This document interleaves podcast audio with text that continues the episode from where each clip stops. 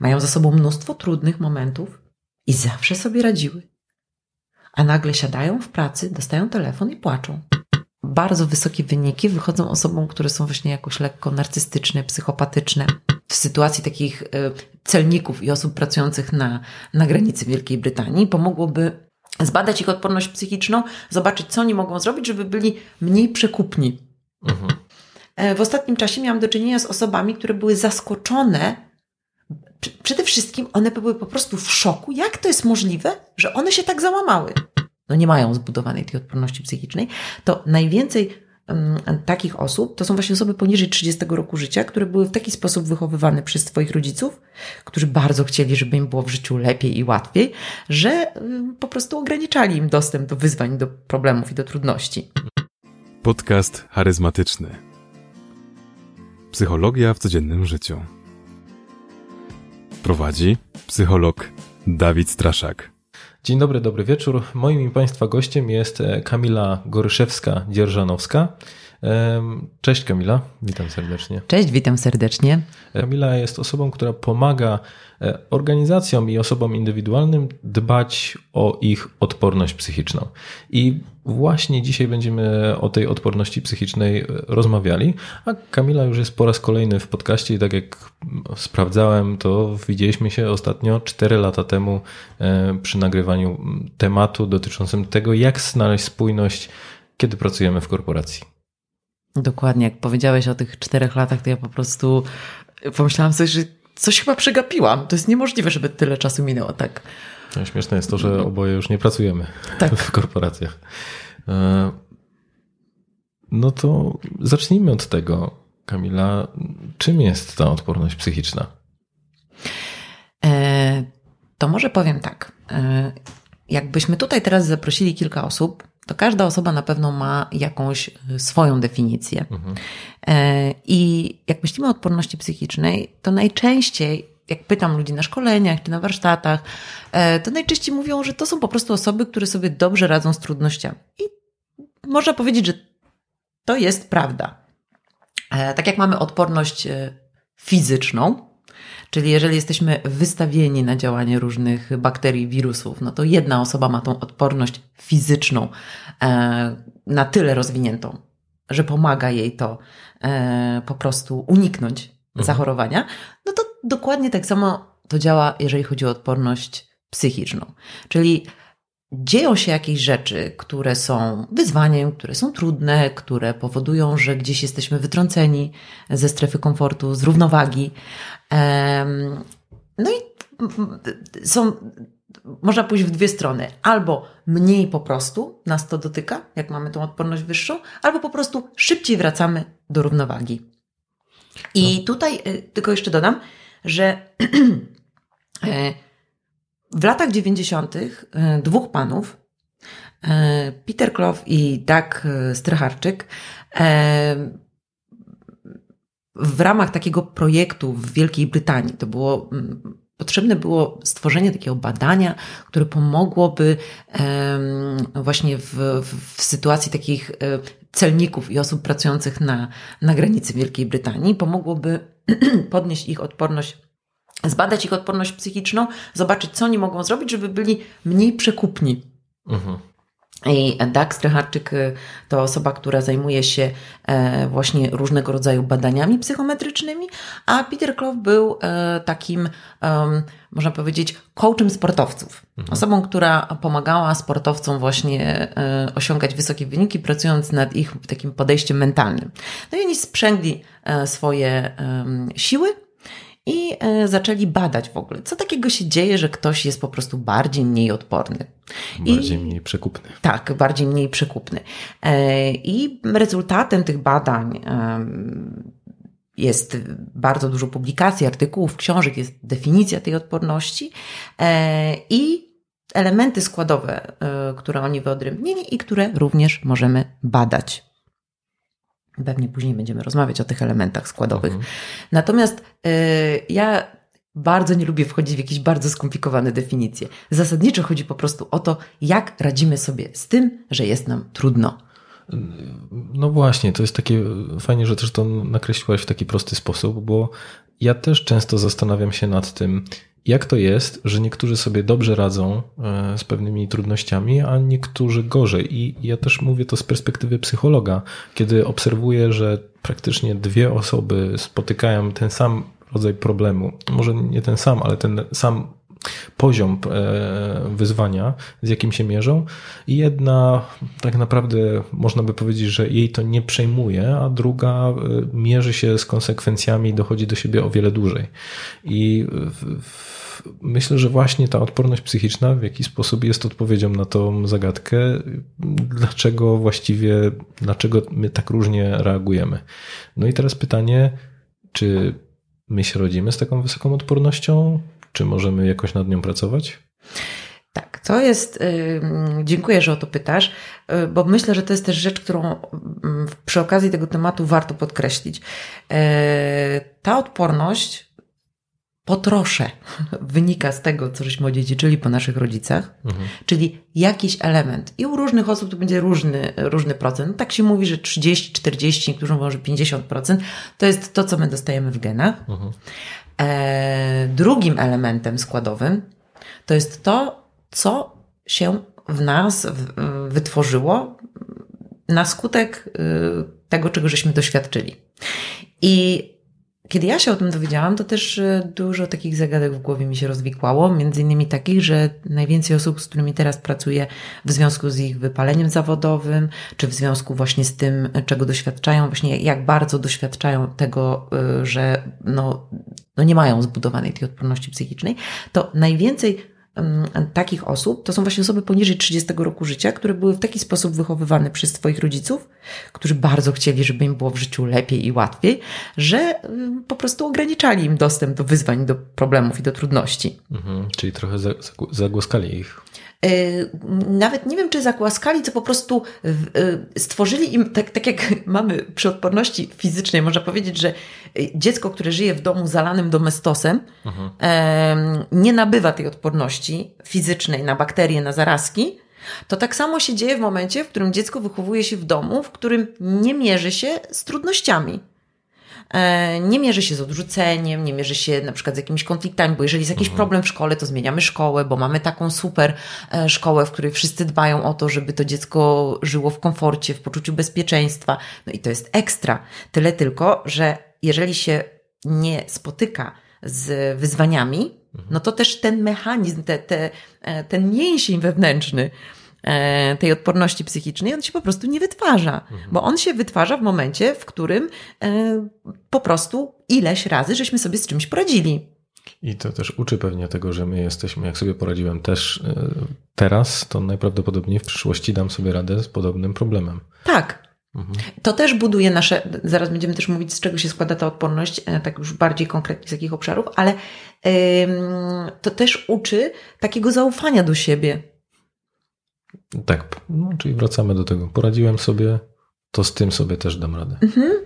E, czyli, tak. czyli, czyli e, krótko mówiąc, informacja dla e, rodziców jest taka, żeby mimo wszystko nie zabierali dzieciom możliwości jakby konfrontowania się z trudnościami. Oczywiście domyślam się, że to chodzi o też dopasowanie poziomu zaawansowania tego, z czym mają się mierzyć do, do, do ich stadia rozwoju, ale żeby też całkowicie nie zabierać im tej możliwości konfrontowania się z trudnościami. Mhm, żeby tego nie eliminować, żeby nie tworzyć sztucznych warunków. Bo życie ich tak. Bo potem idą właśnie do, do wyjeżdżają z domu, mm, jest, pojawiają się właśnie studia, jakaś pierwsza praca, staż, i nagle się okazuje, że ten świat nie jest taki, jak żeśmy sobie go wcześniej wyobrażali. I nagle pojawiają się właśnie jakieś odrzucenia, pojawia się krytyka. E, nie każdy jest e, nauczony dawania informacji zwrotnej e, w duchu komunikacji bez przemocy, więc niektórzy po prostu powiedzą, zrobiłeś to beznadziejnie. Mhm no, w każdym razie chodzi o to, że to jest bardzo istotny element i to jest składowa doświadczenia. Też na przykład zwróć uwagę, że osoby, które często przeżyły właśnie jakiś, nie wiem, stan wojenny, właśnie jakieś takie trudne e, sytuacje, żyły w czasach, w których no, nie było im łatwo, potem nagle się okazuje, że kurczę, no, te osoby y, właśnie w środowiskach zawodowych, jak są jakieś zmiany czy coś się dzieje, no sobie radzą świetnie. Mhm. E, więc, e, więc to jest ten drugi element, czyli mamy geny, mamy nabytą tą odporność. No i też jest ten kawałek, który zależy od nas, od naszej świadomej pracy, od naszego świadomego e, trenowania tych kompetencji, tych elementów, które się składają na, na tą odporność. Z tym, że przed chwilą użyłam słowa kompetencje i to jest bardzo istotne, żeby nie oddzielić dwie rzeczy od siebie, bo często jest tak, że E, jak powiedziałaś o, tych, o tym, że dwie osoby stają do tego samego wyzwania i nagle się okazuje, że jedna osoba sobie z tym super poradziła, e, a druga osoba, no nie wiem, zajmuje jej to więcej czasu, ponosi duże koszty psychiczne, e, nie wiem, w związku z tym wyzwaniem przechodzi przez jakiś kryzys. I teraz jest tak, że ja często słyszę od menadżerów takie zdanie.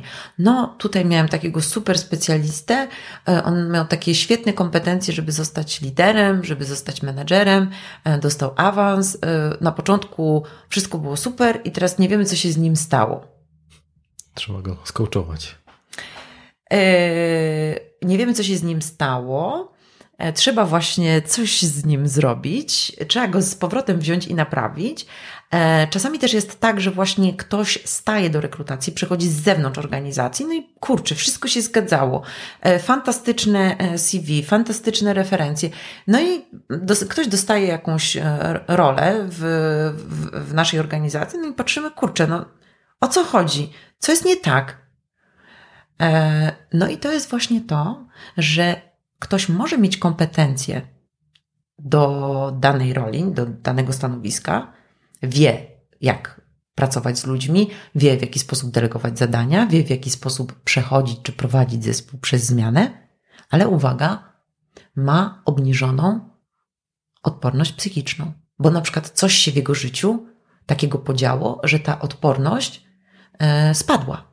I to jest też druga rzecz. My możemy tą odporność budować, ale też życie, rzeczywistość może powodować, że następuje korozja.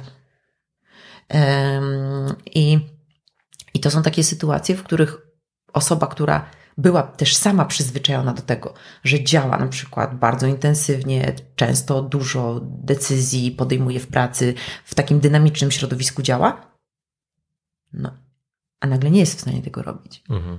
Albo bardzo dużo mu to kosztuje. Ale no oczywiście mówimy o czymś, co jest takie no, niewidzialne, więc nagle myślimy sobie, kurczę, mówię teraz o takim menadżerze, który sobie radził i nagle sobie nie radzi. No przecież jak to? Dostałem to stanowisko, powiedziałem, że się nadaje, e, przecież nie ma tutaj nic, co jest poza moim zakresem, więc dlaczego mnie to tyle kosztuje? Dlaczego tracę koncentrację? Dlaczego nie mogę w nocy spać? Dlaczego jestem e, przemęczony? Dlaczego nie mam na nic siły? E, dlaczego nie mam ochoty tego robić? Dlaczego mam ochotę pozabijać wszystkich ludzi dookoła mnie. E, oczywiście to mogą być syndromy wypalenia zawodowego, depresji albo jakiejś innej emocjonalnej trudności. Natomiast może być też tak, że po prostu ktoś w miejscu, gdzie ma zwichniętą tą emocjonalną, odpornościowo-psychiczną kostkę, po prostu sobie dowala.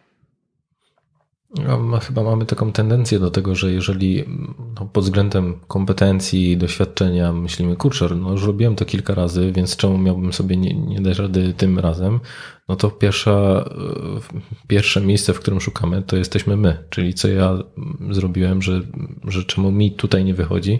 I tak trochę to zabrzmiało jakby takie narzędziowe podchodzenie do człowieka, czyli jak go przerzucę po prostu w inne miejsce, no to nie biorąc pod uwagę tych zmiennych środowiskowych, powinien sobie poradzić dokładnie tak samo. Mhm. A jednak to się nie dzieje. Tak. Jednak to się nie dzieje.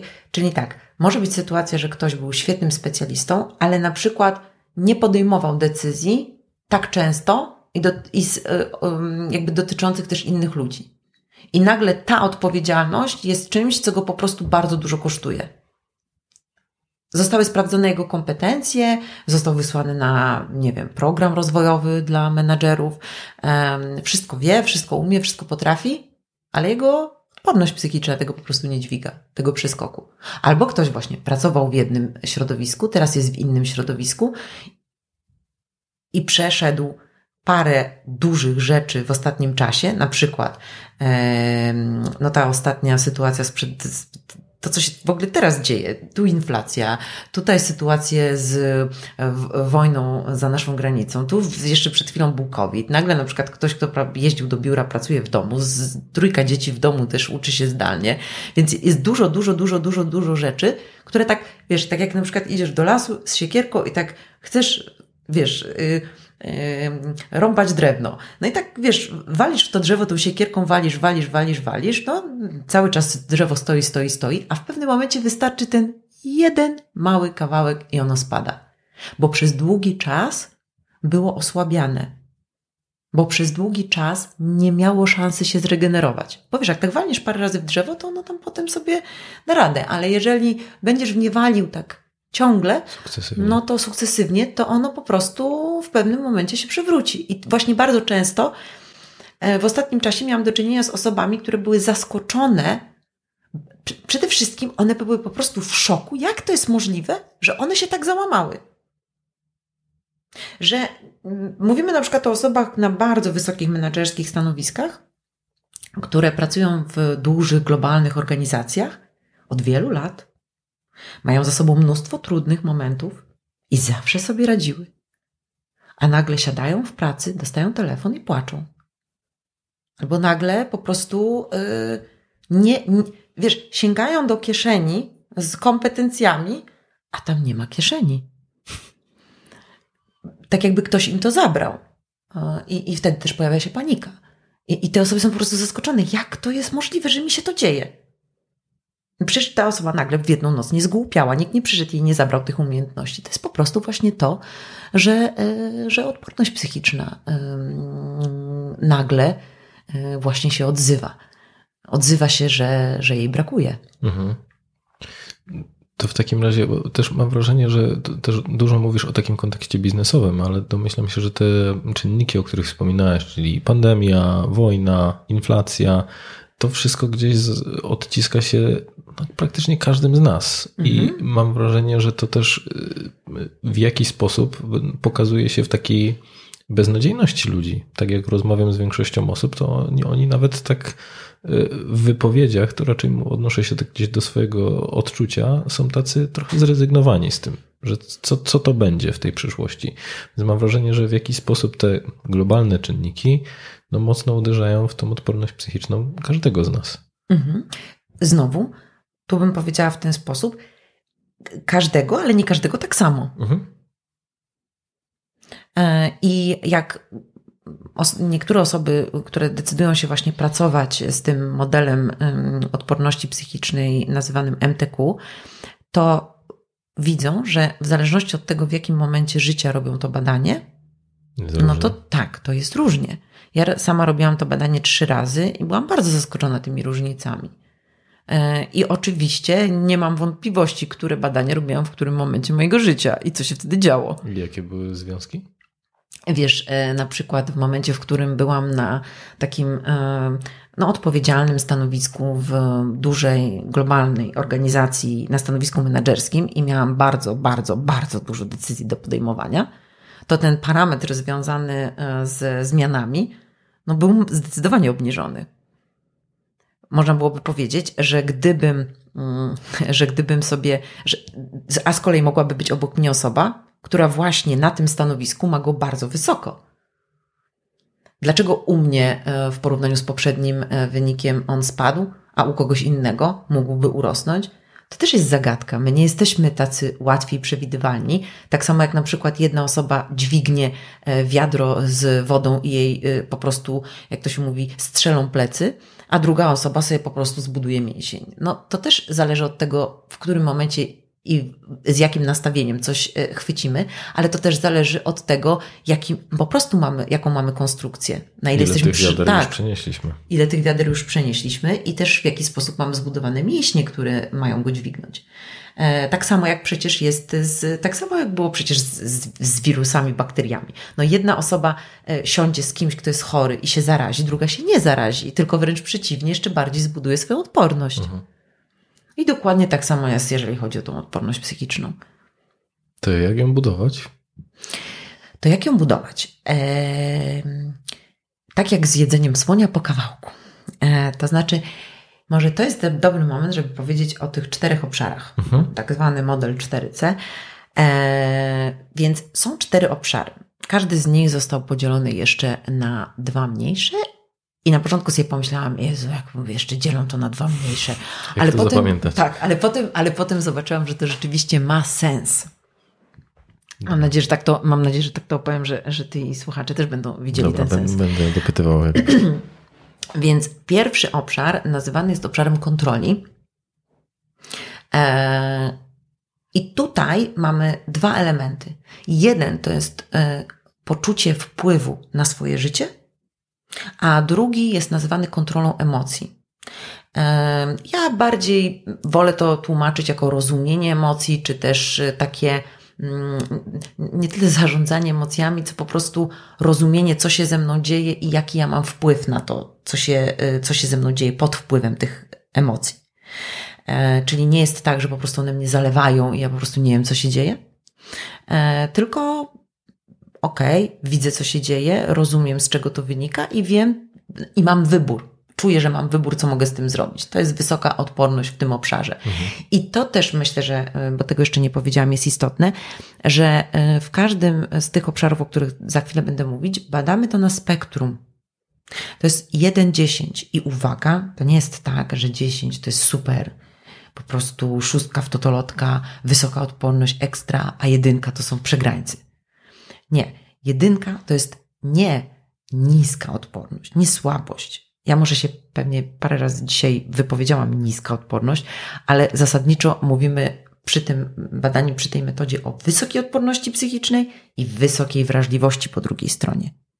Czyli, że mamy grubszą kołderkę na sobie, taki, taki amortyzator, e, lub po prostu mamy cieńszą skórę.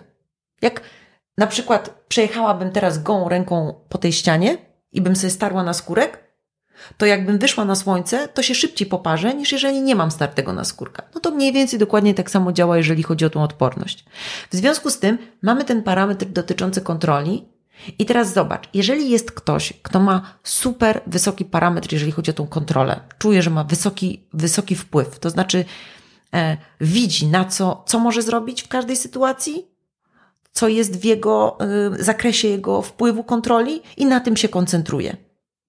I teraz wyobraź sobie, że taka osoba w ciągu dwóch miesięcy zalicza parę fikołków. Pandemia, e, nie wiem, jakiś, ktoś z bliskich choruje, umiera, przecież nie tak miało być. Parę takich rzeczy, na które ta osoba nie ma wpływu, a bardzo mocno stawiała na to, że w życiu jest po prostu kowalem swojego losu i generalnie może wszystko. I nagle po prostu następuje fala, kaskada takich, wiesz, wydarzeń. I właśnie często w trakcie pandemii okazywało się, że osoby, które wcześniej miały ten parametr dosyć wysoko, e, to nagle on był obniżony. No to też mocno subiektywne odczucie, gdzie Mhm. ja, na co ja mam wpływ, a na co nie mam. Tak. I dobrze, że podkreśliłeś y, subiektywne, bo to nie jest tak, że teraz ktoś przychodzi i mówi: Słuchaj, Dawid, ty mamy tutaj na to dokumenty, masz wpływ na to, na to, na to, na to. Z pogodą to jeszcze porozmawiamy, ale no może, może słuchaj w lipcu, to się tak um- umówimy się, że będziesz miał wpływ, ale na resztę rzeczy to raczej nie. Nie. To jest coś, co jest to, co ty widzisz subiektywnie. Przeciwieństwem tej wysokiej odporności w tym miejscu w- momencie, w którym ktoś jest na, tym, na tej skali bliżej tej wysokiej wrażliwości, jest coś takiego, kurczę, ja i tak nic nie, mo- nie ja i tak nic nie mogę. E, ja i tak nie mam wpływu na inflację, na wojnę, ja i tak nie mam wpływu. Co się będę starać, co będę coś robić, skoro i tak e, będzie co ma być, a przyszłość jest niepewna. Czyli taka bezradność połączona z takim. Z rezygnacją często. I zobacz, na przykład są osoby, które są w organizacjach i podejrzewam, że parę takich osób znasz, które na przykład zrobiły bardzo dużo, bardzo, wiesz, jakby wszystko zrobiły tak, jak ma być, a nagle, nie wiem, zmieniło się szefostwo, zmienił się właściciel firmy i nagle po prostu zadziało się coś, Przygotowywałem się 5 lat do awansów, zmienił się szef i tak naprawdę zostałem z niczym, bo muszę budować to od początku. Tak. I wtedy często taka sytuacja po prostu zostawia nam ten kawałek poharatany. Mhm. Jak go wzmacniać? Wzmacniać przede wszystkim tym, żeby w każdej sytuacji patrzeć na to, na co mam wpływ. Co ja z tym mogę zrobić? No dobra, ale y, przed chwilą powiedzieliśmy, że y, może być tak, że życie trochę nam pokaże, że myślałeś, myślałaś, że wiesz, że na coś masz wpływ, a jednak y, pokiwa palcem i powie nie, nie, nie, to wcale tak nie wygląda. Więc jak się tutaj dostosowywać, to jest dla mnie takie e, problematyczne, bo wiesz, z jednej strony tak jak powiedziałeś, że ja się z tym mocno zgodzę, że pandemia była trochę takim sprawdzam, ja wam trochę pokażę, jak w sumie, gdzie wy macie ten wpływ, gdzie, gdzie nie, e, ludzie. I ciężko też było mi samemu skalibrować ten, te, to poczucie wpływu, no bo w sumie zaraz może się znowu coś podobnego wydarzyć. To znaczy, że kolejny czarny łabędź wypłynie, i my znowu nie będziemy dokładnie wiedzieć, co, co, co się ma wydarzać. Jak do tego podchodzić w kontekście zastanawiania się, gdzie ja mam ten wpływ, skoro i jeszcze kilka miesięcy temu, czy kilkanaście, okazało się, że, że, że to tylko pozorne odczucie. To na to odpowiedzą następne obszary. Okay. Związane z uczeniem się e, na własnych doświadczeniach i z radzeniem sobie ze zmianą. Mhm. Bo też, to też myślę, że warto jest podkreślić, że te elementy, my tu mówimy o kilku elementach, o podgrupach w tych elementach, ale one się wszystkie ze sobą łączą. Y, wpływ to jest jedna rzecz. To jest, ja bym powiedziała, że ten kawałek jest takim mocno um, skupionym na tym, co ja w, w tym momencie jestem w stanie zrobić. Jeżeli wiem, że świat jest nieprzewidywalny, zmieniam oprogramowanie. Wiem, że świat jest nieprzewidywalny. Co mogę zrobić w nieprzewidywalnym świecie? Na co mam wpływ w świecie, w którym to i to jest niepewne? Czyli aktualizuję oprogramowanie. Aktualizuję oprogramowanie. Zawsze szukam tego, na co w danym momencie mam wpływ. Nie trzymam się też tego, na co miałam wpływ wczoraj, tylko zmieniam to. Mhm. I tak samo jest, jeżeli chodzi o emocje. Zobacz, emocje, y, ten element dotyczący kontroli emocji, on nie polega na tym, że ja sobie zaplanuję, co ja będę czuła i przeżywała w piątek po południu. Ja sobie mogę zaplanować, że ja w piątek po południu będę super zrelaksowana, po czym wracam z pracy na czworaka i po prostu na nic nie mam ochoty. Więc to nie jest tak, że e, ta kontrola oznacza, że ja sobie planuję i metodycznie to się dzieje. To bardziej polega na tym, że okej, okay, ja teraz czuję to, to i to, to i to się ze mną dzieje, bo potrzebuję tego i tego i taka moja potrzeba nie jest spełniona, albo taka moja potrzeba jest spełniona. Na przykład jestem sfrustrowana, poirytowana, bo Potrzebuję jasności, potrzebuję wiedzieć, jak wygląda moja sytuacja w pracy, a mój szef trzeci dzień nie daje mi na przykład odpowiedzi. Albo na przykład brakuje mi danych dotyczących raportu. Mhm. I teraz uruchamiam ten swój wpływ i myślę sobie, dobra, to co ja mogę z tym zrobić? Czyli momentalnie patrzę, co stoi za tymi moimi emocjami. Ja tutaj bardzo lubię to łączyć z komunikacją bez przemocy, z NVC, gdzie bardzo istotnym elementem jest właśnie oddzielenie strategii od potrzeb, bo my często po prostu jesteśmy w świecie tych naszych strategii, czyli jesteśmy przyklejeni do bardzo konkretnych rozwiązań, a zapominamy o tym, że jest wiele rozwiązań na naszą potrzebę, a to spełniona lub niespełniona potrzeba warunkuje nasze emocje. Zwróć mhm. uwagę, że jeżeli, no nie wiem, jesteś zadowolony, to najczęściej stoi za tym jakaś zaspokojona Twoja potrzeba kontaktu, przyjemności, komfortu, ulgi, wypoczynku, jakaś zaspokojona potrzeba. Najczęściej, kiedy przeżywamy te emocje, które jedni nazywają złymi, negatywnymi, a psychologowie mówią, że to są emocje, które się trudno przeżywa, e, to, to najczęściej za tym stoją niezaspokojone potrzeby. Jakaś frustracja związana z tym, że coś, co jest dla nas ważne, się po prostu nie wydarza. Mhm. I teraz ta kontrola polega na tym, że okej, okay, to się ze mną dzieje, to wynika z tego, w związku z tym, co ja mogę zrobić? No teraz nie mogę o to zadbać, ale mogę na przykład zrobić to. Mogę na przykład usiąść i zauważyć, co się ze mną dzieje. Uwaga, e, tak jest, że jeżeli my w ogóle odkleimy się od takiego, takiej paniki i po prostu zobaczymy, że jest przestrzeń pomiędzy tym, że ja coś czuję i na podstawie tego, co czuję, reaguję, Czyli na przykład to, że czuję złość, to nie oznacza, że muszę zrobić od razu awanturę e, na przykład mojemu mężowi albo swojej koleżance w pracy. E, bo jeżeli tak się dzieje, to najczęściej jest tak, że po prostu nie chcę czuć tej złości, bo boję się konsekwencji, że zrobię komuś awanturę i potem będę się czuła winna. W związku z tym lepiej jej nie czuć. W związku z tym oczywiście ona narasta, tak jak przykryty garnuszek, który tam zaczyna buzować. Więc chodzi o to, żeby, okej, okay, zauważam, kurczę, jestem zła. Jestem zła. Dlaczego jestem zła? Bo moje granice zostały przekroczone, bo na coś się z kimś umówiłam, ktoś nie dotrzymał słowa. Bo na coś liczyłam, czuję rozczarowanie też. O, pod tą złością jest rozczarowanie. Okej. Okay. No i co ja teraz mogę z tym zrobić? To jest kontrola emocji. Natomiast przeciwieństwem tego jest sytuacja, w której ja po prostu czuję, że jestem totalnie bezradna, bo nigdy nie wiem, co się wydarzy, co mi się odpali i wpadam w panikę związaną z tym, że po prostu, e, że siedzę na tykającej bombie. Mhm. No myślę, że tak słowo kontrola tutaj jest kluczowa w, w tym kontekście, że czuję, że to jest odzyskiwanie tej kontroli zarówno nad trochę swoim życiem, ale też nad sobą, bo mam wrażenie, że w, tak to przedstawię, że im większa wrażliwość, e, tym bardziej ja e, jestem podatny na to, żeby to świat mną zarządzał, czym mnie kontrolował tak. i moje emocje mnie kontrolowały, mhm. niżeli odwrotnie. Tak. Y i jeszcze zanim przejdziemy dalej, to mam bardzo taką silną potrzebę, żeby zaznaczyć, że to nie jest tak, że wszyscy musimy być bardzo odporni psychicznie. E, że wszyscy musimy mieć tą odporność wysoką.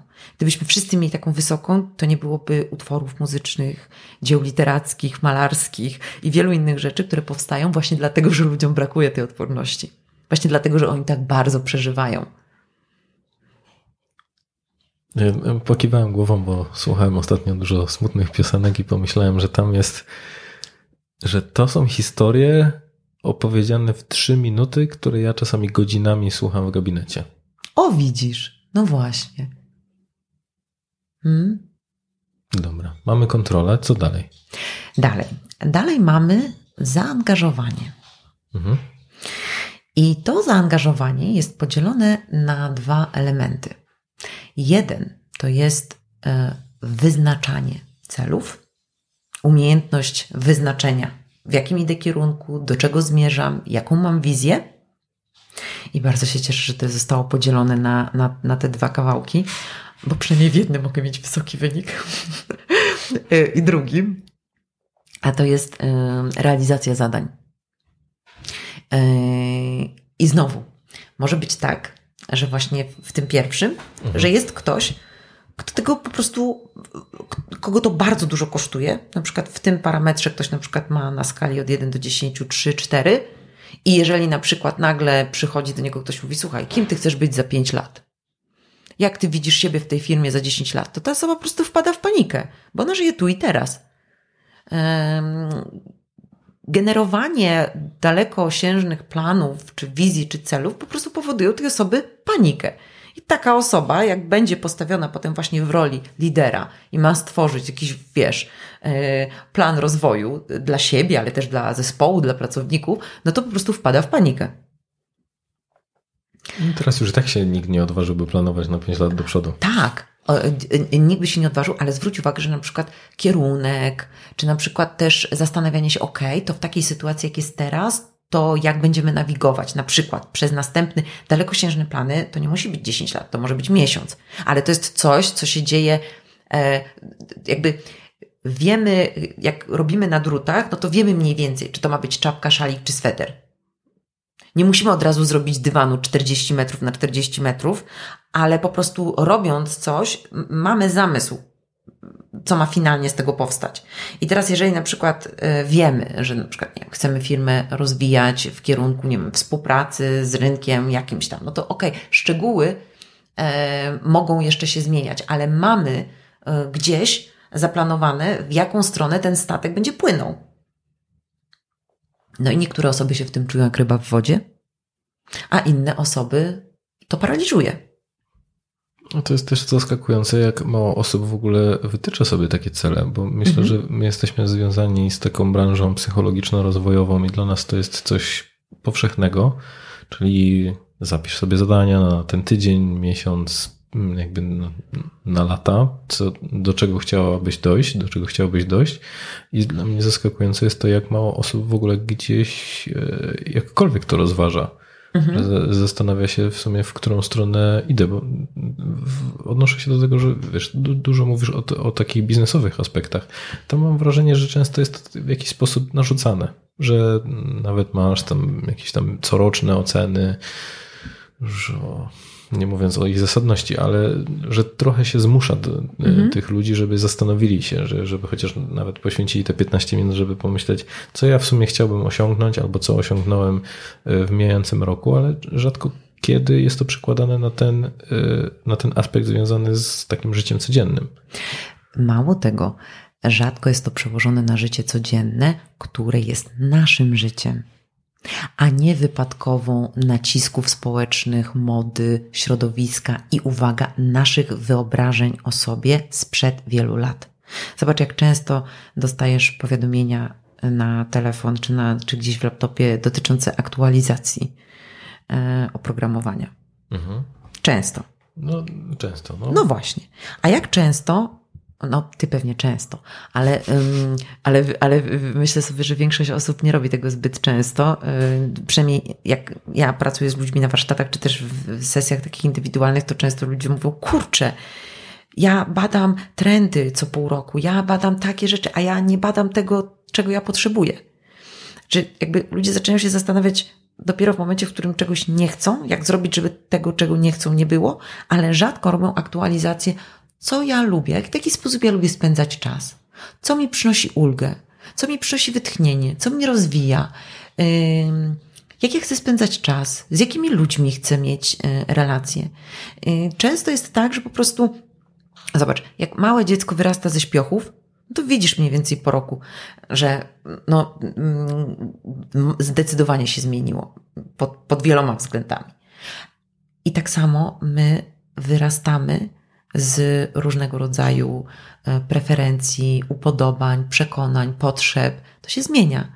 Ale my często mamy wyobrażenie sprzed iluś lat, że coś lubimy, coś jest dla nas ważne, coś nas rozwija, a tymczasem to się już zmieniło. I na przykład ja już nie chcę spędzać czasu, nie wiem, w jakimś hałaśliwym e, kurorcie, tylko na przykład chcę pojechać na wieś i czuję, że się coraz bardziej męczę na takich wakacjach, no ale głupio mi powiedzieć przyjaciołom, mężowi, rodzinie, że, że, że, że się męczę. No to się męczę dalej, no bo przecież kiedyś mi się podobało. No to jak teraz mam powiedzieć, że mi się nie podoba? E, często słyszę takie zdanie, że ludzie na przykład mówią, kurczę, no trochę mi się zmieniło, ale tak dziwnie o tym powiedzieć. Więc te plany bardzo no, często też są robione. Że osobowość nam się zmienia osobowość nam się zmienia i na przykład, wiesz, ludzie czasami stoją przy czymś takim, kurde, od pięciu lat, czy od dziesięciu z moim mężem, czy tam z, z moim zespołem, czy z ludźmi, czy z rodziną, czy z przyjaciółmi, na przykład do czegoś dążymy, coś robimy, a ja nagle widzę, że, że ja nie wiem, czy ja tego chcę. Ja nie wiem, czy to jest moje.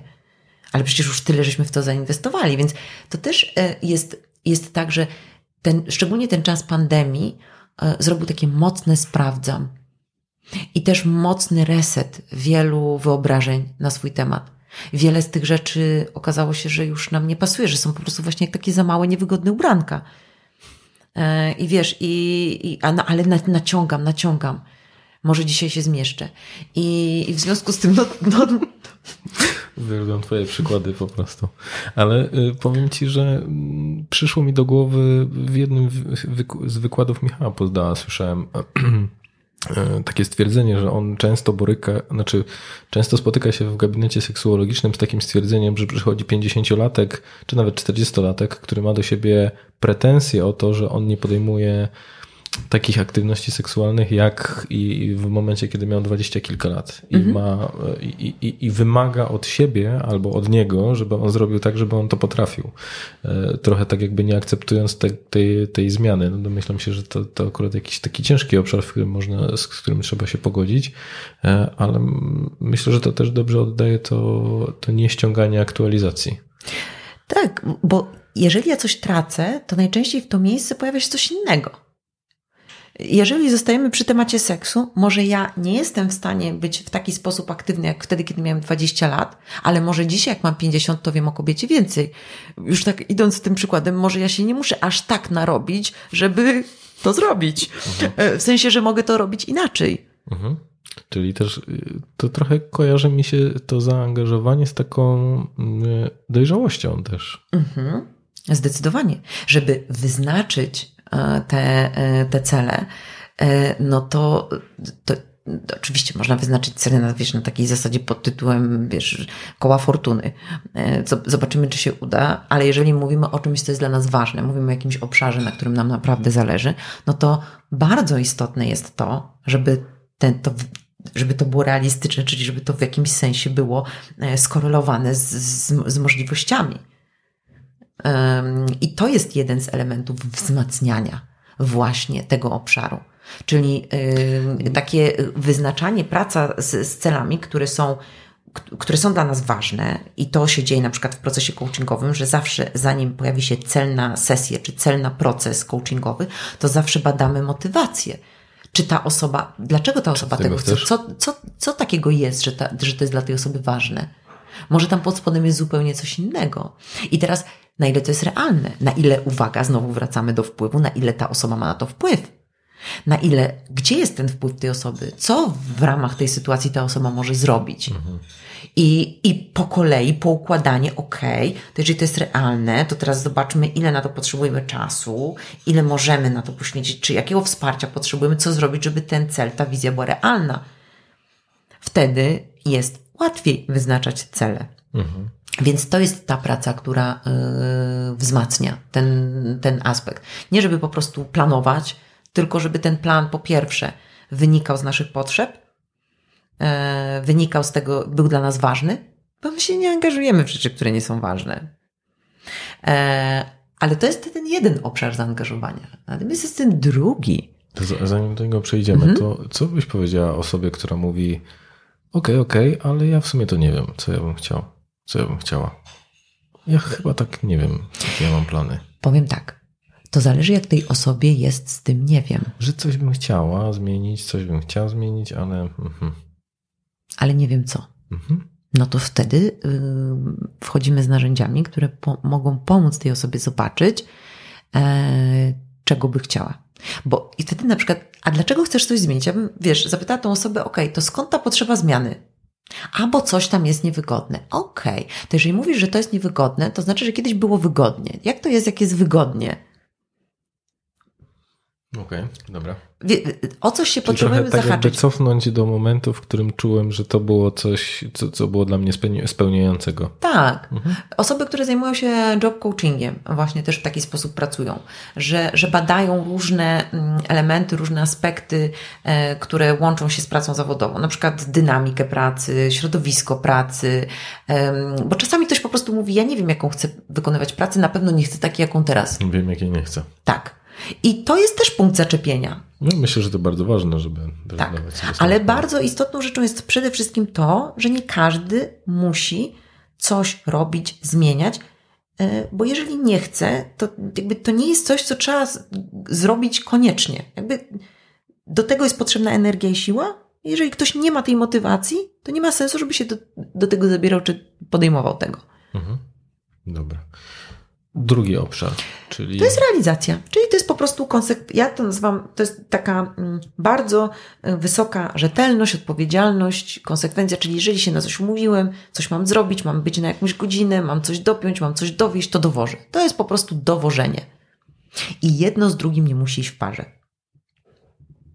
Czyli może być tak, że ktoś wyznacza cele, ale niech inni je robią, realizują, ale mogą być na przykład osoby, które nie wiem, pracują, powiedzmy, tak teraz strzelam, w księgowości. E, I one tak naprawdę nie zastanawiają się, w, jakim, w jaką stronę idzie firma, czy co się dzieje. Ich rolą jest, żeby wszyscy na przykład mieli na koniec, e, żeby pieniądze się zgadzały, żeby wszystko było rozliczone, żeby kadry miały pieniądze e, do wypłacenia pracownikom jako wynagrodzenia. Więc to jest, i, i żeby to było dokładne i precyzyjne. Mhm. Bez względu na to, jak te osoby się czują, bez względu na to, jaki mają dzień, to to po prostu robią. I od, oczekujemy takiej niezawodności. E, jak, wszędzie tam, gdzie oczekujemy niezawodności i wszędzie tam, gdzie ktoś właśnie się wykazuje tą niezawodnością, to najczęściej jest tak, że właśnie w tym parametrze ma bardzo wysoko. Próbuję się gdzieś tam zawsze określać e, sam na tych skalach i zastanawiam się po prostu nad tym. Zastanawiasz się nad tym? Mhm. No to, to jest właśnie, to jest tak, że. Mm, to, co jest istotne, to że ten parametr jest trochę bez względu na to, czy coś nas interesuje, czy nie. To jest trochę na, bardziej na takiej zasadzie, że się do czegoś zobowiązałem. Jest, jest, jest po prostu zaczęte, to ja nie zostawię rozgrzebanego. Mhm, czyli taka sumienność w kontekście osobowości. Tak, dyscyplina. Się. Ja bym bardziej, mhm. bardziej powiedziała, że tu jest ważna, to jest odpowiedzialność i dyscyplina.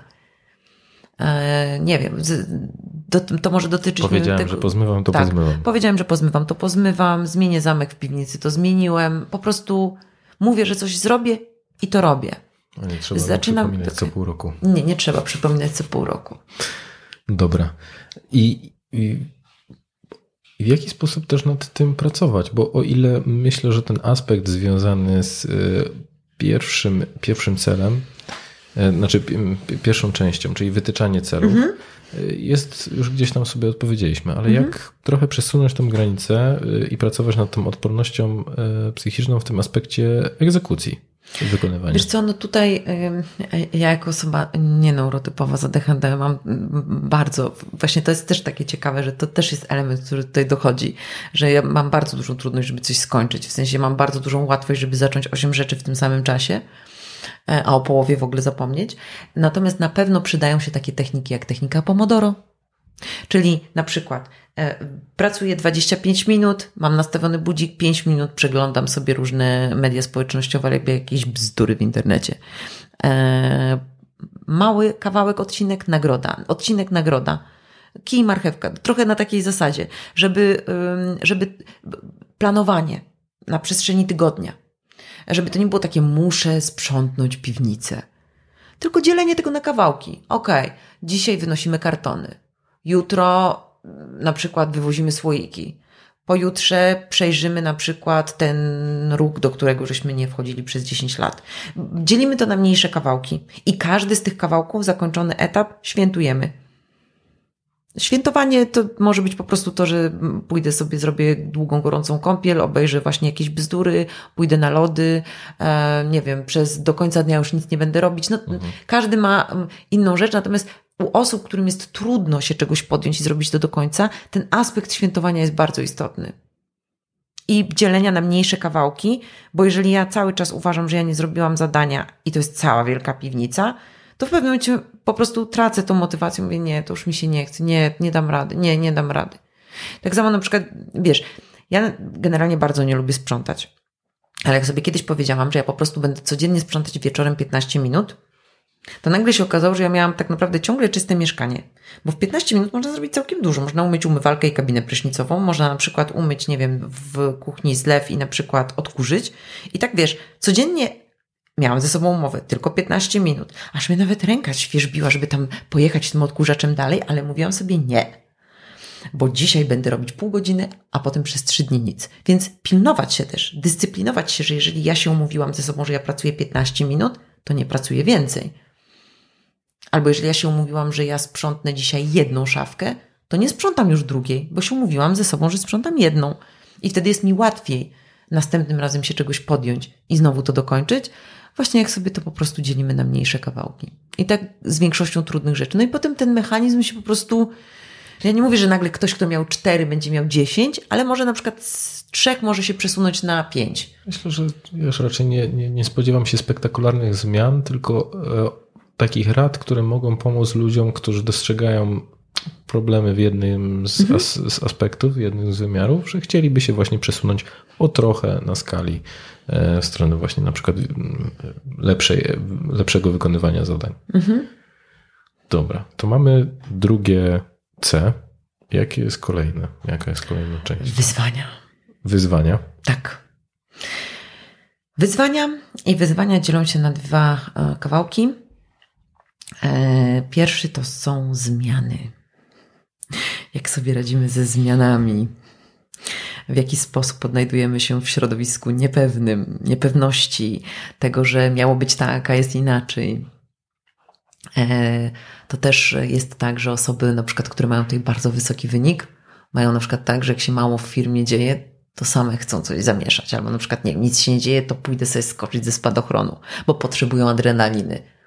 E, I, I nie wiem, być może wśród osób, które nas słuchają, są takie osoby, które na przykład miały takiego szefa, że jak tam się w firmie akurat jest chwila spokoju i ludzie się, wszyscy się cieszą, że można chwilę odetchnąć, bo już żeśmy przeszli przez to, przez to, przez to, przez to, to ta osoba musi coś zamieszać. Zmienić Tak. system raportowania. Tak, zmienić system raportowania na przykład. Przecież też przy, przypomina mi się taki, taka historia, którą kiedyś słyszałem w pracy, że w sumie za spokojnie jest w tym związku, to się dzisiaj pokłócę z chłopakiem. Więc domyślam się, że to też jest forma Mhm. Tak, odpowiedzi na to. oczywiście, oczywiście, że tak. Po prostu są osoby w, Galupie, według metodologii Galupa jest taki talent, który nazywa się aranżer. E, I to jest właśnie, e, i to jest, i, i tak, czasami ten talent jest opisywany właśnie, że ktoś jest takim żonglerem. To jest to właśnie takie, że okej, okay, jak to przestawię inaczej, to wtedy mi się to bardziej podoba. Czyli jakby inaczej to znaczy lepiej. Um, I to są osoby, które fantastycznie się odnajdują w, w środowisku zmian. Po prostu Sama zmiana, zmiana jest autogratyfikacją. dla tak, tak. To, że one stają do zmiany, to jest dla nich po prostu motywujące, mobilizujące. One się czują po prostu jak ryba w wodzie.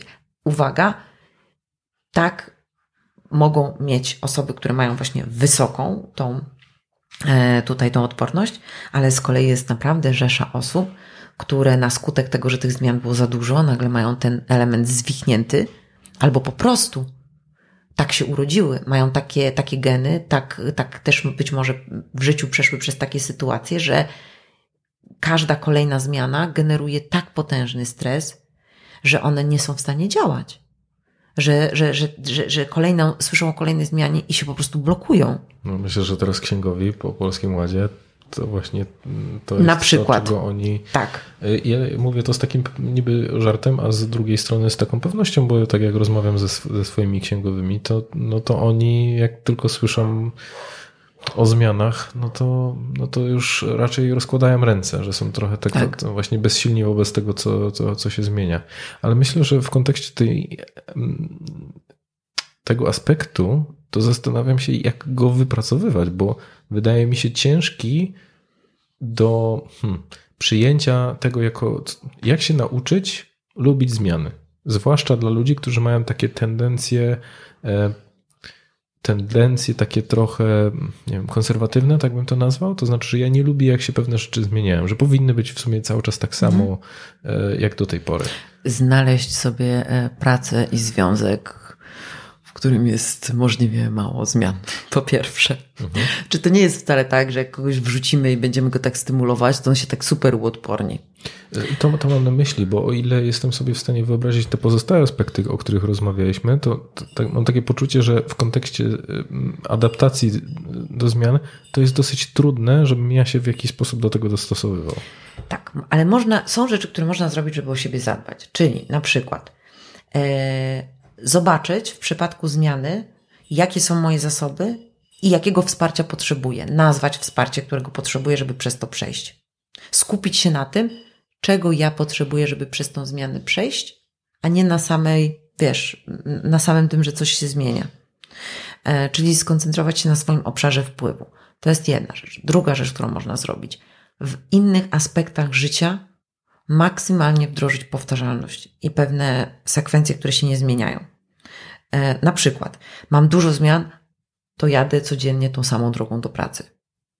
E, To na przykład, nie wiem, mam w ten sam sposób rzeczy poukładane w lodówce. To jadę w to samo miejsce na wakacje.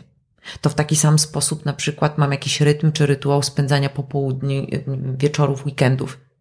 Czyli wdrażam sobie takie elementy, które powodują, że mam taki oddech i się mogę chwilę zregenerować. Bo y, po prostu, jeżeli na dodatek do tego dochodzi jeszcze w tych obszarach, w których mam wpływ, mam kontrolę, kolejne niewiadome, kolejny bałagan, kolejne zawirowania, to bardzo często jest tak, że te osoby po prostu, nie wiem, właśnie zaczynają mieć już poważniejsze y, psychiczne y, zaburzenia, czy, czy, czy schorzenia, czy Myślę, że stany taki- lękowe też. Taka droga do wypalenia w momencie, Tak. kiedy się bardzo, bardzo dużo Tak. zmienia, a to nie jest w zgodzie ze mną. Tak. Czyli trochę ten przykład sanepidu nie? pandemicznego, że to raczej była taka spokojna, przewidywalna praca do czasu, kiedy Tak. przyszedł COVID. Tak. Ale uwaga, akurat w przypadku sanepidu może być tak, że kto komuś no nie jest wygodny ze zmianami, ale na przykład poczucie sensu powoduje, że jest mu łatwiej. Czyli na przykład szukam sensu w tej zmianie. Czyli albo szukam, co mogę zrobić wsparcia, jeżeli jestem taką osobą mocno zorientowaną na, na cele, na zadania, albo jeżeli jestem taką osobą właśnie, która potrzebuje tego sensu, bo inaczej nie ruszy, no to szukam sensu. Mhm. Dobra. Zmiana, a druga? A druga? Uczenie się na e, doświadczeniu. Wyciąganie e, lekcji, lekcji tak. I to jest, e, i to jest, wiesz, i to jest po prostu coś takiego, że jeżeli szukasz psychologa, to zapraszam do swojego gabinetu we Wrocławiu lub na spotkanie online. Link do umówienia wizyty znajduje się w opisie filmu lub po prostu wpisz Dawid Straszak w portalu Znany Lekarz. Cokolwiek się nie dzieje, ja się mogę czegoś z tego nauczyć.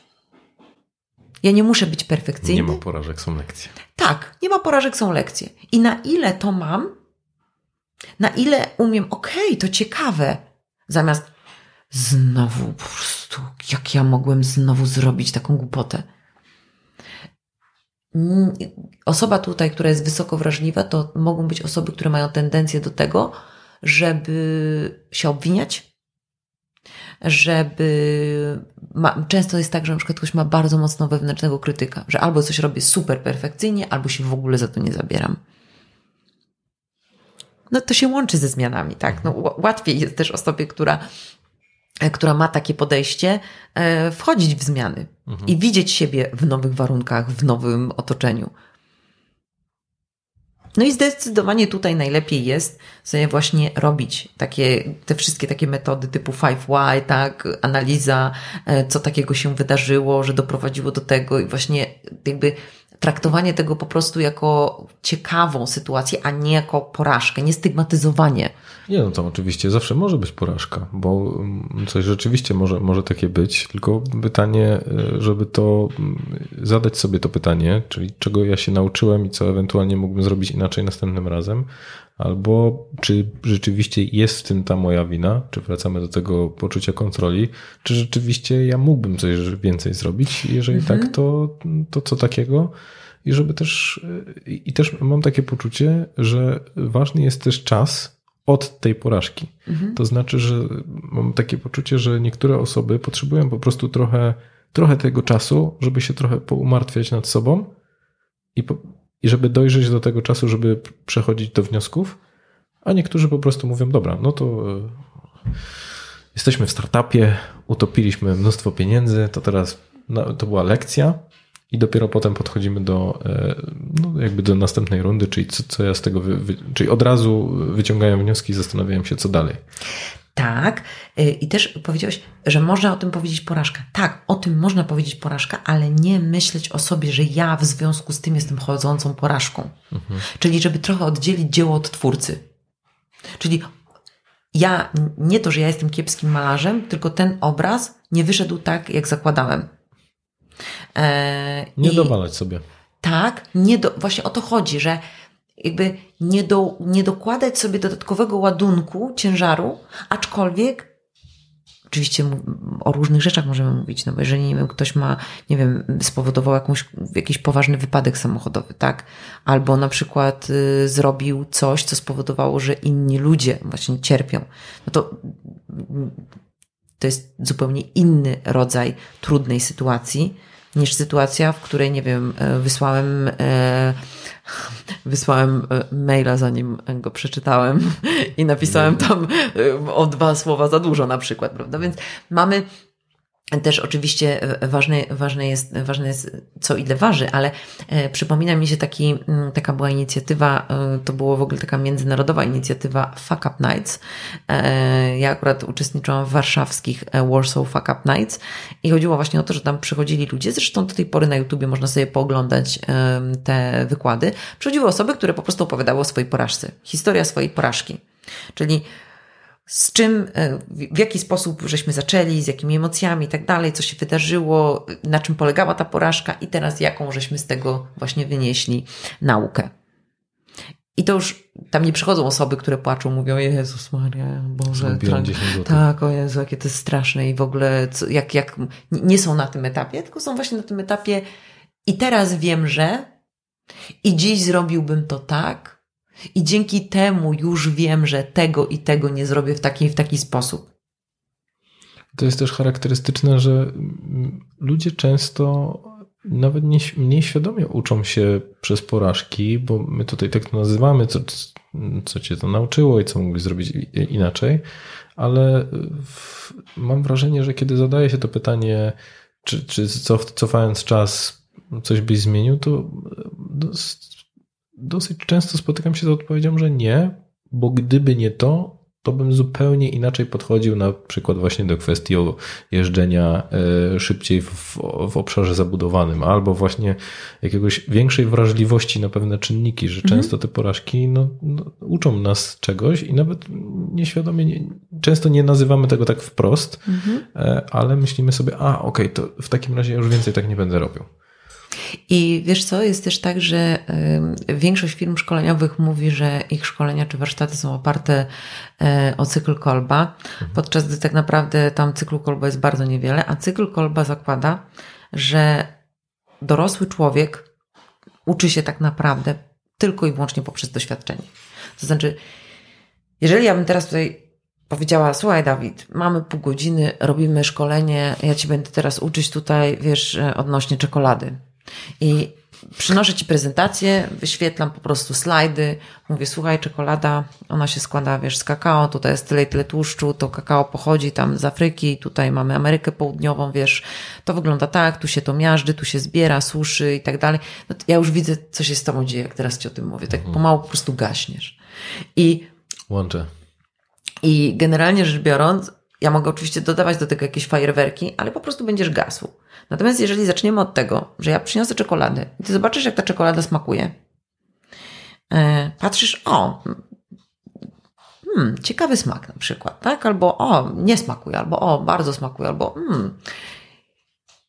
I potem ja się ciebie pytam, drugi element cyklu kolba, mm, czyli refleksja, jak ci to smakuje, jak w ogóle tutaj e, odbierasz tą czekoladę i ty zaczynasz mówić, hmm, jest taka, taka, to mi smakuje, to mi nie smakuje, trzymasz ją cały czas w dłoni, więc widzisz, że się rozpuściła.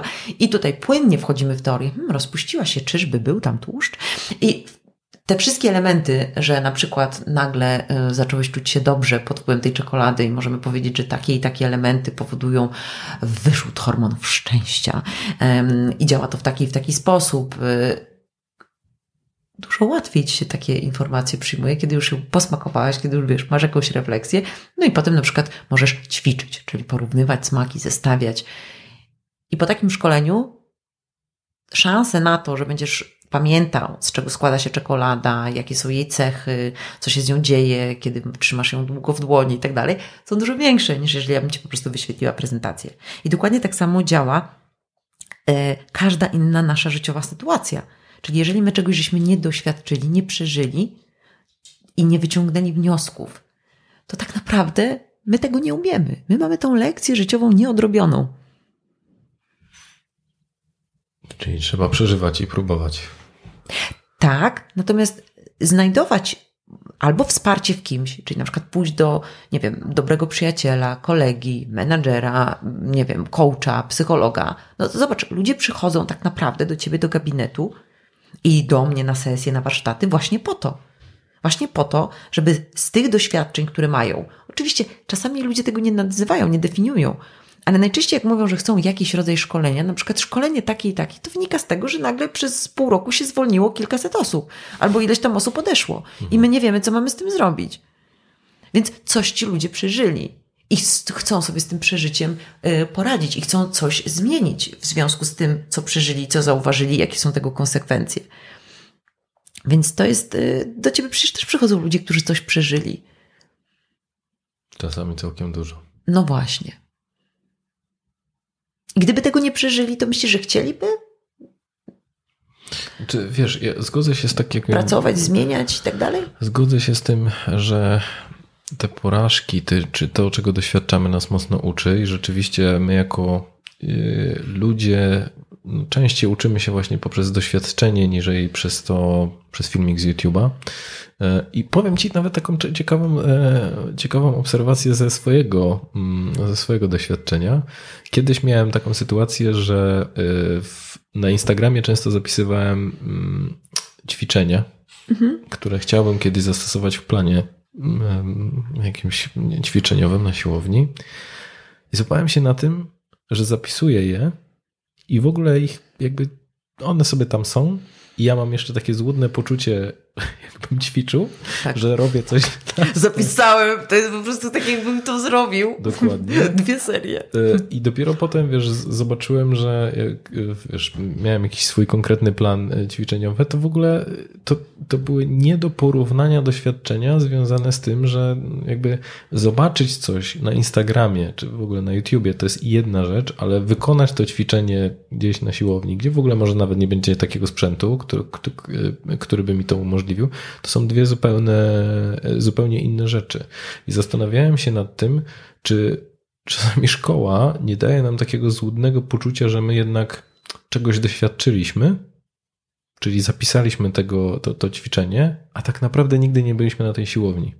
No i tutaj nie chcę otwierać takiego wielkiego, wielkiego tematu, który moglibyśmy po prostu Możesz powiedzieć tylko tak. Ale, ale, ale dokładnie na tym się opiera metoda Montessori. Mhm. Koleżanka moja, która w Szwecji prowadzi szkołę Montessori, która jest oparta o wszystkie te etapy edukacji, mówi, że po prostu jak dzieciaki mają te 13-14 lat, to jest ten moment, kiedy one chcą zobaczyć, okej, to ja tutaj paru rzeczy tutaj doświadczyłem, tu się nauczyłem, ale teraz chcę zobaczyć, jak to jest przydatne społeczeństwu. I prowadzą farmę. Normalnie mm, sprzedają, handlują, zajmują się mm, warzywami, zwierzętami i tak dalej i wykorzystują swoją wiedzę, którą do tej pory zdobyli właśnie poprzez, w, właśnie w, na tej farmie.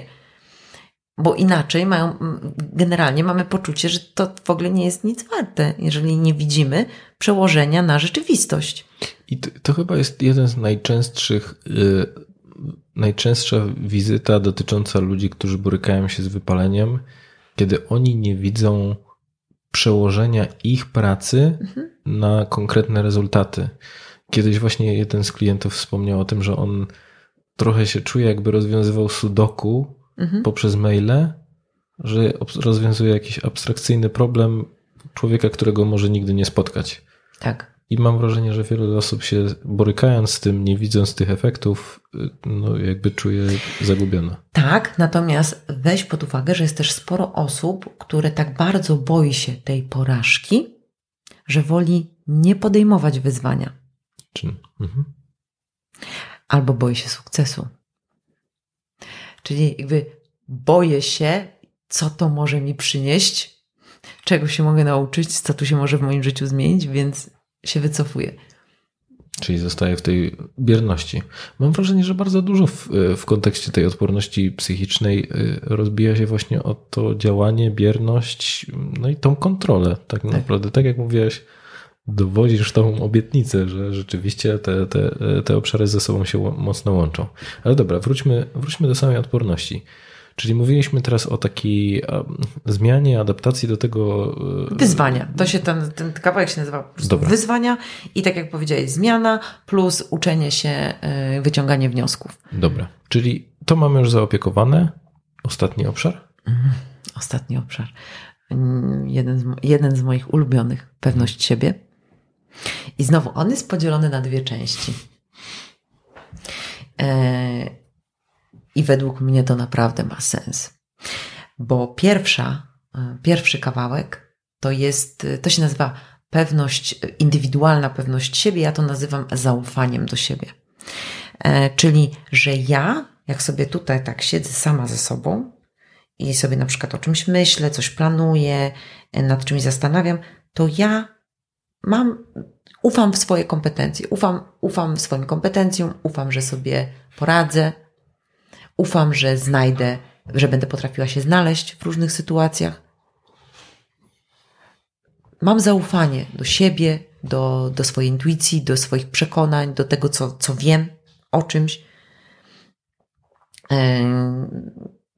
Przyznam, że osoby, które mają przełożonych, którzy mają dziesiątki, czasami mają z tym problem. Bo osoba, która na przykład właśnie ma w skali od 1 do 10 w tej pewności siebie 10, e, bo to nie jest tak, że pracujemy tylko i wyłącznie nad odpornością z osobami, które powiedzmy, nie wiem, mają te wyniki gdzieś w połowie albo chciałyby coś podciągnąć. Też bardzo dużym kawałkiem do pracy są osoby, które mają te wyniki bardzo wysoko bo one z kolei totalnie nie rozumieją całej reszty. I mogą na przykład zajechać swój zespół, zajechać swoją rodzinę, zajechać siebie, no bo przecież jest jeszcze na dodatek, jak ktoś ma, wiesz, i wyznaczanie celów, i wpływ, i kontrolę, i wszystko, i po prostu nie ma stop, no to taka osoba y, może nawet nie zauważyć, że się wykańcza. Bo nic, bo nie ma tego mechanizmu regulacji, nie ma tej wrażliwości odsłoniętej. Wiesz, to jest trochę na takiej zasadzie, że no, nie wiem, leżę na słońcu, nic mnie nie pali, nic mnie nie pali, ale dopiero wieczorem widzę, że mam spaloną skórę. Ale to Czekaj, czekaj, bo trochę się zgubiłem. Czyli to mówisz o takiej bezrefleksyjności, takim trochę. Tak, bo skoro uporze. ja jestem, skoro mi, mnie nie uwierają te trudne wszystkie sytuacje, to jadę na maksa. Mhm. I właśnie to jest przykład tych osób, które miały bardzo wysoką odporność, ale się dużo trudnych rzeczy w krótkim czasie skumulowało i im ta odporność poleciała. E, I też e, taka, czyli na przykład właśnie osoby, na przykład, które nie wiem, uprawiają sport i robią to w taki sposób, no, że dopóki mogą, to, to właśnie da, dają radę, a w pewnym momencie nagle się okazuje, że po prostu organizm jest zajechany. Mhm. I no, no ale jeżeli ta pewność siebie zakłada, że tylko ja mam rację, no, są ciemne strony tych, tej wysokiej odporności też. Myślę, że w, w każdym aspekcie, kiedy my mamy, jesteśmy skrajni w czymś, mhm. to zawsze jest ta ciemna strona. Jest, nie musi być zawsze, bo są osoby, które, które są świadome, wiedzą, że okej, okay, ja sobie ufam, ale też biorę pod uwagę, że ktoś inny może mieć inną perspektywę, ona też jest ważna, też mogę ją wziąć pod uwagę. E, natomiast jeżeli, no, jeżeli nie, mm, właśnie nie weryfikujemy, nie aktualizujemy swoich oprogramowań, nie, za, nie robimy sobie stop klatki, żeby popatrzeć, ok, jak to, co ja robię, wpływa na otoczenie, jak moje działania wpływają na otoczenie. Często osoby, które mają bardzo wysoką odporność, nie zadają sobie takich pytań no przecież jestem super, wszystko idzie super, no to działam dalej. Mhm. E, I to jest jeden wymiar pewności siebie. I tutaj na przykład, jeżeli jest ta wysoka wrażliwość, no to to jest osoba, która mówi, nie, ja nie dam rady, nie, to nie dla mnie, nie, niech inni próbują, ja to się nie nadaje. Czyli po prostu osoba, która właśnie nie chce nawet podjąć się czegoś, bo z góry zakłada, że sobie nie da rady. Mhm. Czyli nie, nawet nie daję sobie szansy spróbowania, tak. bo ja nawet mhm. nie mam do tego zaufania. Mhm. I myślę, że to często jest w ten sposób się napędza, że te osoby, które mają to zaufanie, chętnie podejmą wyzwanie. Wezmę to za ciebie. Jeżeli ty się A, wahasz. Wy, tak, jeżeli ty, ty się wahasz, ale właśnie na przykład jedno ma na drugi wpływ, czyli ja mam do siebie zaufanie, to jest mi łatwiej też podjąć się wyzwania. Wyznaczę cel, bo ufam sobie, że cel, który wyznaczę jest super. I to też łączy się z tym, ok, to mam wpływ. I samo napędzające się to tak. jest, bo im więcej robię, tym większe zaufanie do siebie, no bo tyle dokładnie. razy dałem radę. Tak, dokładnie tak.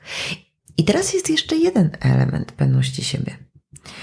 Ten element to jest to, jak ja się mam, kiedy staję naprzeciwko innych ludzi. Kiedy muszę negocjować, postawić granice, e, sprzedać swój pomysł, przekonać ludzi do czegoś, wywrzeć wpływ na innych. I jedno z drugim nie musi mieć wiele wspólnego. Może być tak, że ktoś ma bardzo wysokie zaufanie do siebie, tą pewność siebie indywidualną, ale i, i widziałam takie wyniki, ale bardzo właśnie wysoką wrażliwość, mhm. jeżeli chodzi o to bycie z innymi.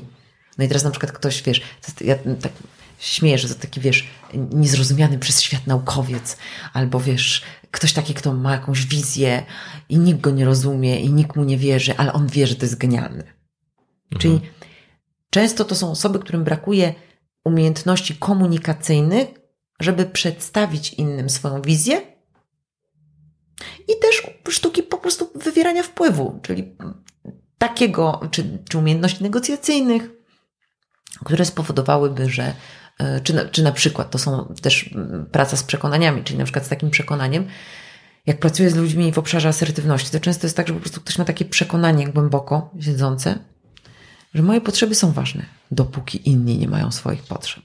W sensie, jak ktoś ma jakieś potrzeby, to ja momentalnie wyłączam swoje potrzeby i skupiam się na potrzebach innych.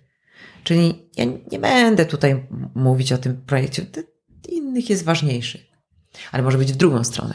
Czyli na przykład ktoś super się czuje wśród innych, ale nie ma takiej, takiej pewności siebie. To są na przykład takie szkolne błazny. Takie osoby, które po prostu wszystkich rozbawią, wejdą na imprezę, ale tak naprawdę w głębi, w środku czują się bardzo niepewne. Nie wiem, czy znasz takie No, ludzi. Za tym śmiechem jest cierpienie. Tak, tak. I, I teraz dochodzimy do takiej bardzo istotnej rzeczy, że jak mamy te osiem elementów. I teraz jak słuchaliście nas, drodzy y, widzowie i słuchacze, to możecie sobie tak na czuja popatrzeć, gdzie, gdzie widzicie siebie jak w skali od 1 do 10, albo oczywiście możecie też sobie po prostu zrobić to badanie. E, Jak natomiast się nazywa to badanie? MTQ plus. A ile kosztuje mniej więcej? Wiesz co, celowo nie podam ceny, ponieważ, yy, ponieważ Jest najtaniej. nie, nie ma, nie wiesz co, powiem tak, cena jest tak naprawdę, mm, to nie jest tak, że u mnie jest najtaniej, jest po prostu, no to jest yy, Zależne na licencji i zależne od tego, ile kupujesz, A czyli jakbyś mi powiedziała mniej więcej przedział, czy to jest mniej 300 więcej czy 1000 przedział, złotych? Plus to jest tak mniej więcej przedział od 300 do 250-400 złotych, Okej.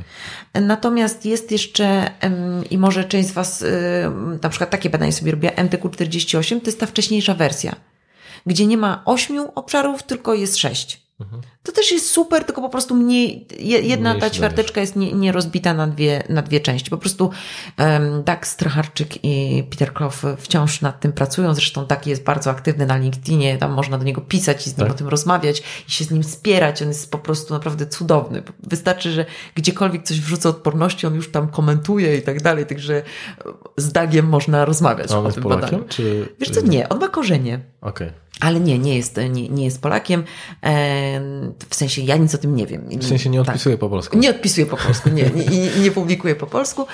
E, Natomiast książka jest dostępna na e, polskim rynku. Petera i Daga Odporność e, i po prostu można, może, po prostu pod rozmową może ją podlinkować, jakby ktoś po prostu sobie chciał e, poczytać, e, posłuchać, po, po, po prostu po, po, też dostępne są różnego rodzaju materiały tam na YouTubie i Daga i także i Petera, także e, można się z tą metodą zapoznać. Natomiast polecam, żeby sobie właśnie zrobić taką autodiagnozę, żeby sobie popatrzeć, ok, gdzie, gdzie ja jak się czuję?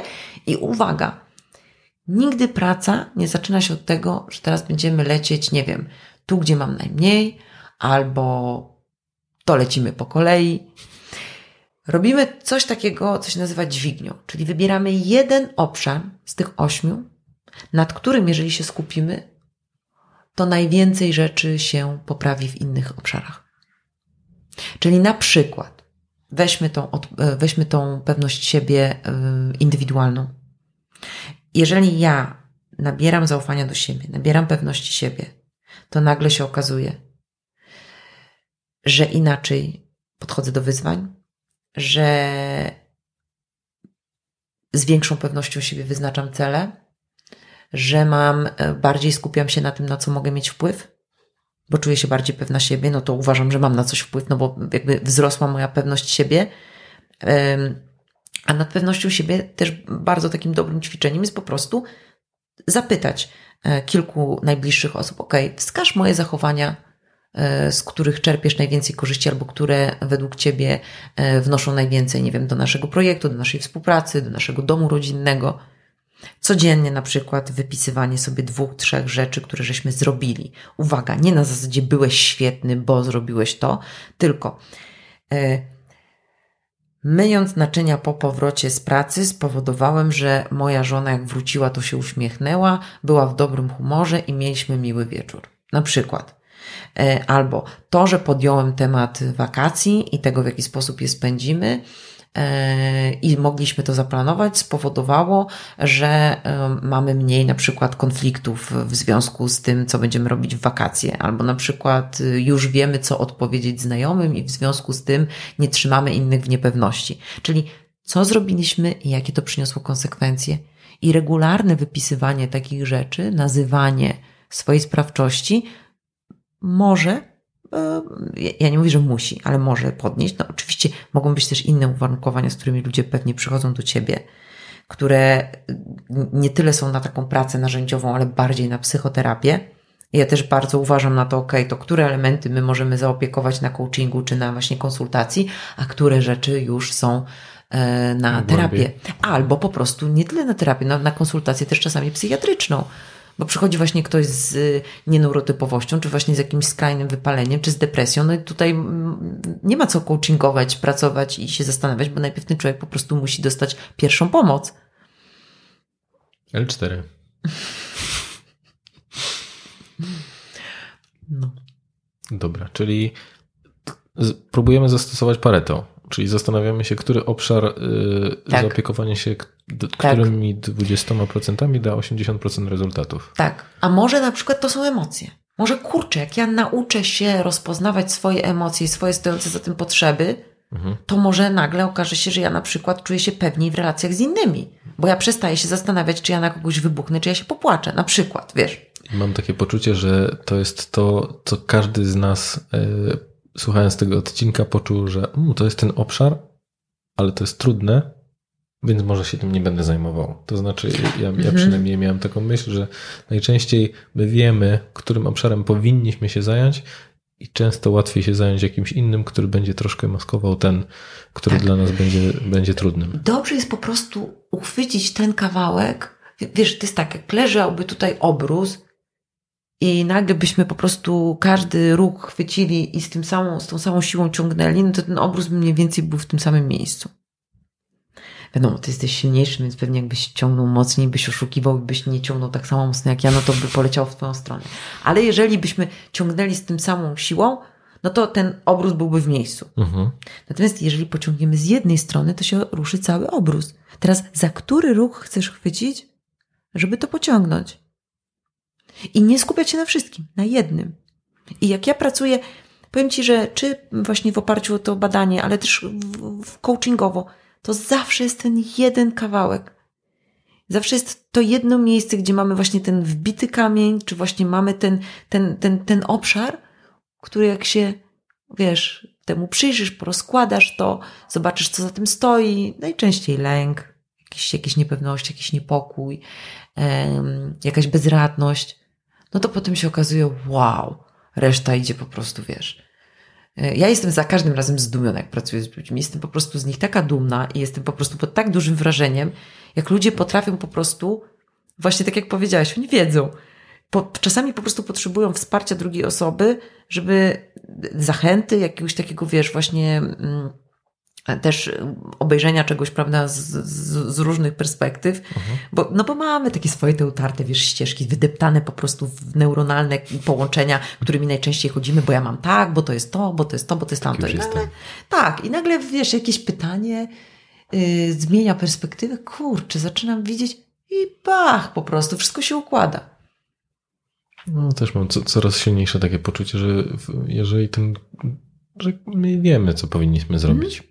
Ale też y, jak mówimy o, ty, o tym, o tej dźwigni zmiany, to pomyślałem, że tak od razu wyskoczyło mi w głowie y, y, sport jako to, co często ja słyszę w historiach ludzi, że to, co dało im właśnie, no teraz nazwałbym to po prostu większą odpornością psychiczną, Mhm. bo y, tutaj mamy zauważalne rezultaty, Mhm. silne poczucie wpływu, widzimy te zmiany, doznajemy porażek i często te porażki są y, nie są takie finalne, tak jakby takie, że już nie ma nic dalej, tylko przegrałem mecz, idę w coś, w- no to zastanówmy się, co zrobić następnym razem, żeby, y, żeby go nie przegrać. I y, jakby buduje wiele takich obszarów w kontekście nawet takiego planowania, czyli bo często jest tak, że jeżeli ktoś się podejmuje jakiegoś sportu, to myśli o jakichś zawodach, e, czyli trochę gospodar, zagospodarowane są wszystkie te obszary, o których dzisiaj rozmawialiśmy i właśnie często, kiedy ja rozmawiam w gabinecie z ludźmi, to oni mówią, że sport im bardzo dużo dał właśnie w kontekście takiego niepoddawania się, czy mówienia, ok, no jest mi ciężko, ale, ale byłem w gorszych sytuacjach i, i z tego Mhm. wychodziłem. Ale zobacz też, bo tak, e, tak i może być też ta, w ten sposób się pokładać. E, inaczej, sportowcy, którzy osiągają naprawdę e, duże sukcesy i te sukcesy są powtarzalne e, i ich kariera w taki stabilny sposób się rozwija, to najczęściej są osoby, które też pracują nad tym, żeby ich odporność rosła razem z nimi. To bardzo dobrze też widać na, jak się słucha takich wywiadów, takich głębszych wywiadów, rozmów z Robertem Lewandowskim. To też widać, e, jak bardzo u niego się to zmieniło. Natomiast są czy kariery spektakularne, muzyczne, czy sportowe, gdzie właśnie no nie, nie urosło, nie, nie, nie było tego wsparcia, nie było tej równowagi były dysproporcje w różnych obszarach tej odporności i w związku z tym nagle ktoś po prostu nie udźwignął popularności, presji, napięcia, tego, że wychodzę oceniany, jestem oceniana, że inni są, tak na mnie reagują, czy tak na mnie reagują. Zwróć uwagę, że jest bardzo dużo historii e, sportowców, którzy e, niesamowicie się, wiesz, tam e, po prostu posypali alkoholem, tak, tak, czy, czy już nie mówiąc oczywiście o artystach, że gdzieś nagle po prostu ta kariera, no właśnie nie, nieproporcjonalnie się rozwinęła w stosunku do tej odporności, która mogłaby to udźwignąć? No, myślę, że my po prostu bardzo wielu aspektów tego, mm, tej codzienności tych osób nie widzimy, że trochę sobie tak. możemy pewne rzeczy wyobrażać, mhm. ale też zobacz, y, jak rośnie w siłę ta psychologia sportu. Jak tak, są, oczywiście. Że, że, że to już jakby naturalnym staje się, że po prostu sportowcy mają taką osobę, która im po prostu pomaga. Tak, tak. I, ale powiedziałeś o sporcie, i rzeczywiście jest to element, który może wzmacniać tą odporność psychiczną, i odporność psychiczna wzmacnia e, rezultaty i właśnie też e, przebieg tej kariery sportowej, ale też każda rzecz, która jest jakimś, mm, no nie wiem, jak ktoś na przykład ma ogród i go uprawia, czy jakąś działkę, na którą jeździ, obserwuje, wiesz, tam nawozi, tu wycina, tu coś robi, czy właśnie na przykład nagle, nie wiem. W y, dużych miastach to balkony. W dużych miastach to balkony, ale wiesz, ale na przykład właśnie, ja pamiętam, mój dziadek się przyniósł, wiesz, y, mieli taką przepiękną, wiesz, przepiękną posiadłość na, pod, pod, pod miastem, tak jest, wiesz, cudowne sady jabłonkowe i tak dalej, ale potem właśnie hodował te swoje ogórki, pomidory, wiesz, w, w doniczkach w, na balkonie i widziałam po prostu tą pieczołowitość, z jaką to robił, że to coś takiego, co robimy, sprawia nam przyjemność, widzimy w tym swoją sprawczość, właśnie mamy nad kontrolę, mamy wpływ. Widzimy też, no, widzimy, że na przykład nie wiem, innym się coś podoba, podoba, smakuje, przynosi korzyści. Yy, I widzimy, że i, i, i te mechanizmy potem można przełożyć do innych obszarów w życiu. Wiesz, skoro sobie poradziłem z kretem na działce, to sobie poradzę Mhm. Na przykład z taką, a nie inną sytuacją, jakąś interpersonalną w pracy, prawda? Ale też to, co jest istotne, wiesz co, ty bym taki, podzieliła się taką swoją historią, bo ja dwa razy przeszłam przez wypalenie zawodowe.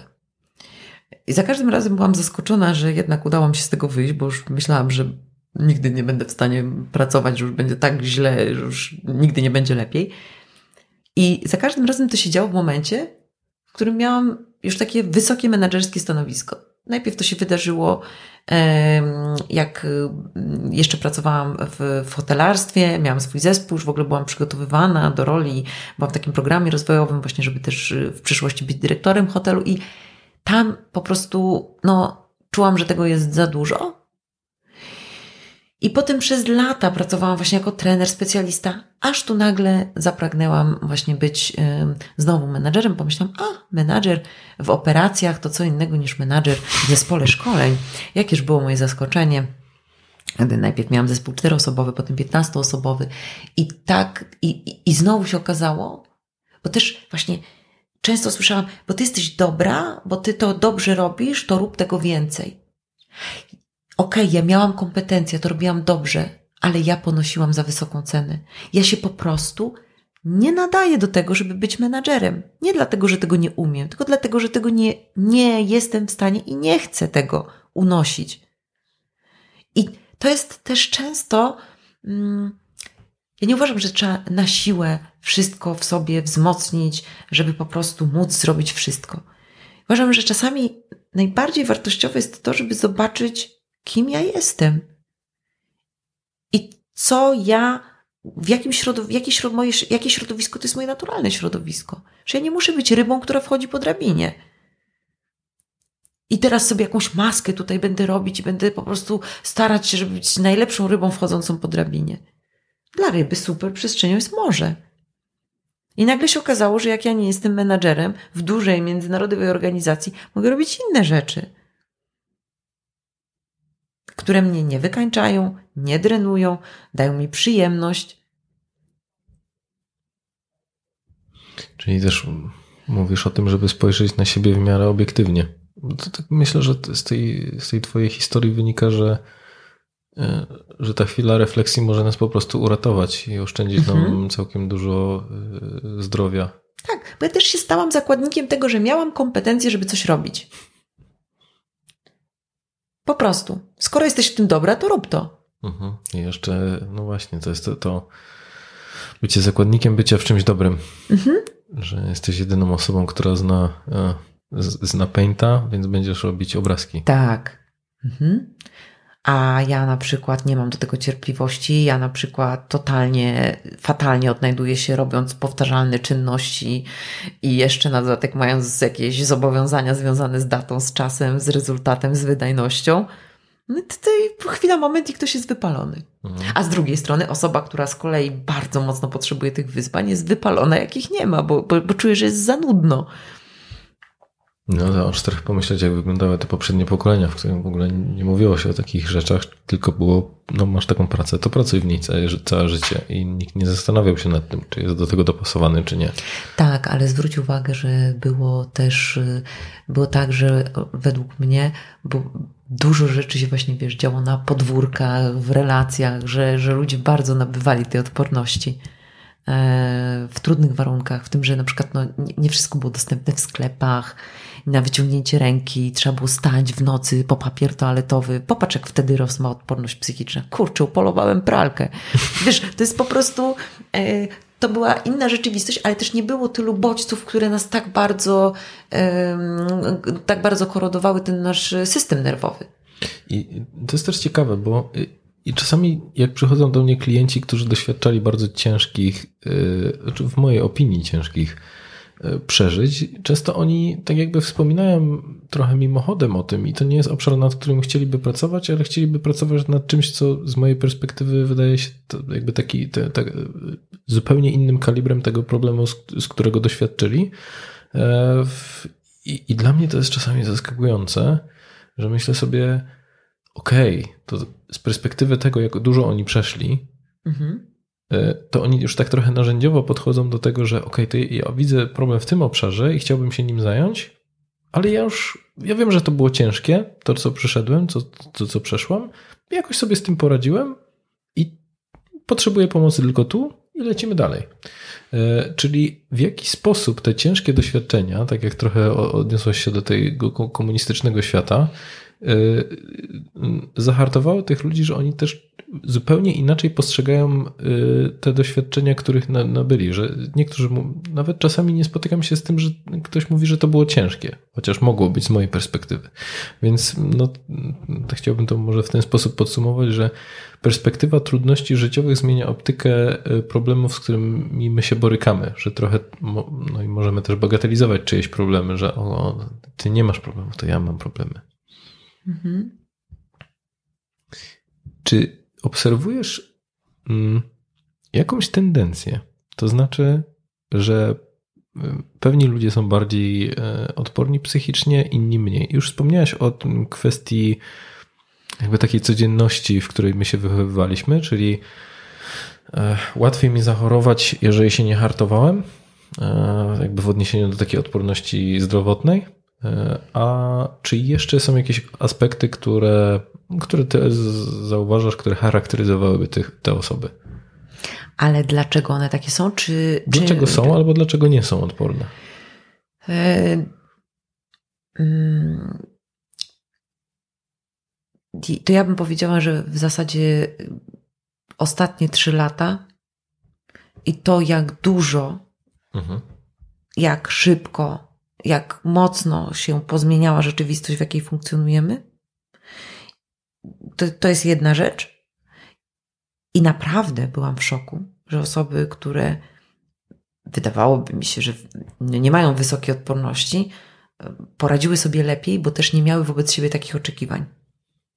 A teraz ktoś, kto miał właśnie, mając wysoką odporność, szedł jak burza, a nagle się zadziały rzeczy, które totalnie powracały do góry nogami, no to zobaczyłam, mm, właśnie w niektórych raportach to widać, że jest jakiś obszar, który po prostu tak, tak jakby ktoś właśnie przyszedł i coś wyciął. Mhm. E, więc tak bym powiedziała, że, że, że, na przykład, nie wiem, bliskie osoby zmarły. Nie, nie, nie, na przykład ktoś nie mógł nawet wyjść do szpitala się pożegnać. I nagle po prostu to bardzo mocno zmienia. Czyli, Czyli że pojedyncze doświadczenia, które są tak. Bardzo ciężkie, zmieniają te tak, osoby. Tak. Ja bym powiedziała, że jeżeli chodzi o tą korozję tej odporności psychicznej, no to długo, wydaje mi się, że mniej, ale nie robiłam badań, ale mniej drastyczne jest to, że ktoś jest na przykład długo pod wpływem jakiegoś stresu, niż to, że właśnie skumuluje się kilka trudnych rzeczy, które po prostu siekną. I, i, to, I to powoduje właśnie, że ten czynnik spada. A jeżeli chodzi o budowanie, to raczej to jest mrówcza praca. Raczej to jest po prostu kolekcjonowanie tych paciorków, tych konkretnych sytuacji, tych konkretnych doświadczeń, które po prostu powodują, że ktoś e, się wzmacnia. No i oczywiście szereg rzeczy, takiego powiedziałabym codziennego BHP, mhm. sen, te podstawowe fizjologiczne rzeczy, e, o których często zapominamy o śnie, o tym, że ja sobie mogę mnóstwo ćwiczeń robić, ale jeżeli ja na przykład jestem właśnie po covid to też miałeś o tym odcinek, co się, jak bardzo e, COVID zwiknął ten nasz układ nerwowy. No jeżeli ja mam go po prostu podziurawionego, bo przyszedł COVID i zrobił bum, bum, bum i po prostu to jest, wiesz, rozstrzelany na, na, na, na łopatki, no to jeżeli ja nie dostarczę witamin z grupy B, nie dostarczę witaminy D, nie dostarczę, wiesz, y, y, magnezu, no to, no to, no to z czego on się ma, wiesz, y, zbudować i zregenerować? I, I nagle ktoś, no dobra, miał zaufanie do siebie, ale po prostu traci pamięć, mam problemy z koncentracją. Więc o takich elementarnych rzeczach żeśmy tutaj nie mówili, ale to jest bardzo istotne. I to też może wpłynąć zarówno na, na, na podniesienie tego wyniku i na jego obniżenie. Mhm. Ja się tak uśmiechnąłem, jak o tym wspomniałaś, bo mm, to jest taki frazes, ale tak często zapominamy o właśnie higienie snu, o diecie, o ćwiczeniach fizycznych, mhm. o relacjach z innymi ludźmi, co jest kluczowe, że bez tego w sumie tak. nie, nie, ma sensu pracować nad czymkolwiek innym. Oczywiście, bo, bo, bo, bo, tak na dobrą sprawę, no to tak jakbyśmy po prostu wlewali do dziurawego buchłaka, wiesz, po prostu mam dziurę, co wszystko wylatuje, a ja cały czas dolewam. I się dziwię, czemu, czemu, Dokładnie. czemu, nie, czemu się wylewa. Tak.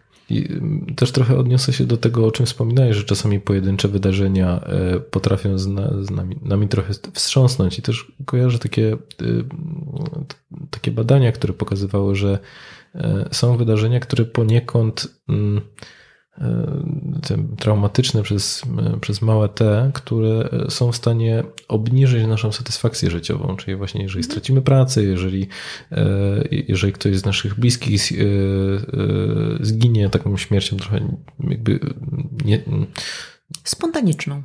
Spontaniczną, chyba tragiczną Niespo... tego słowa szukałem. To znaczy taką niespodziewaną. niespodziewaną. Mhm.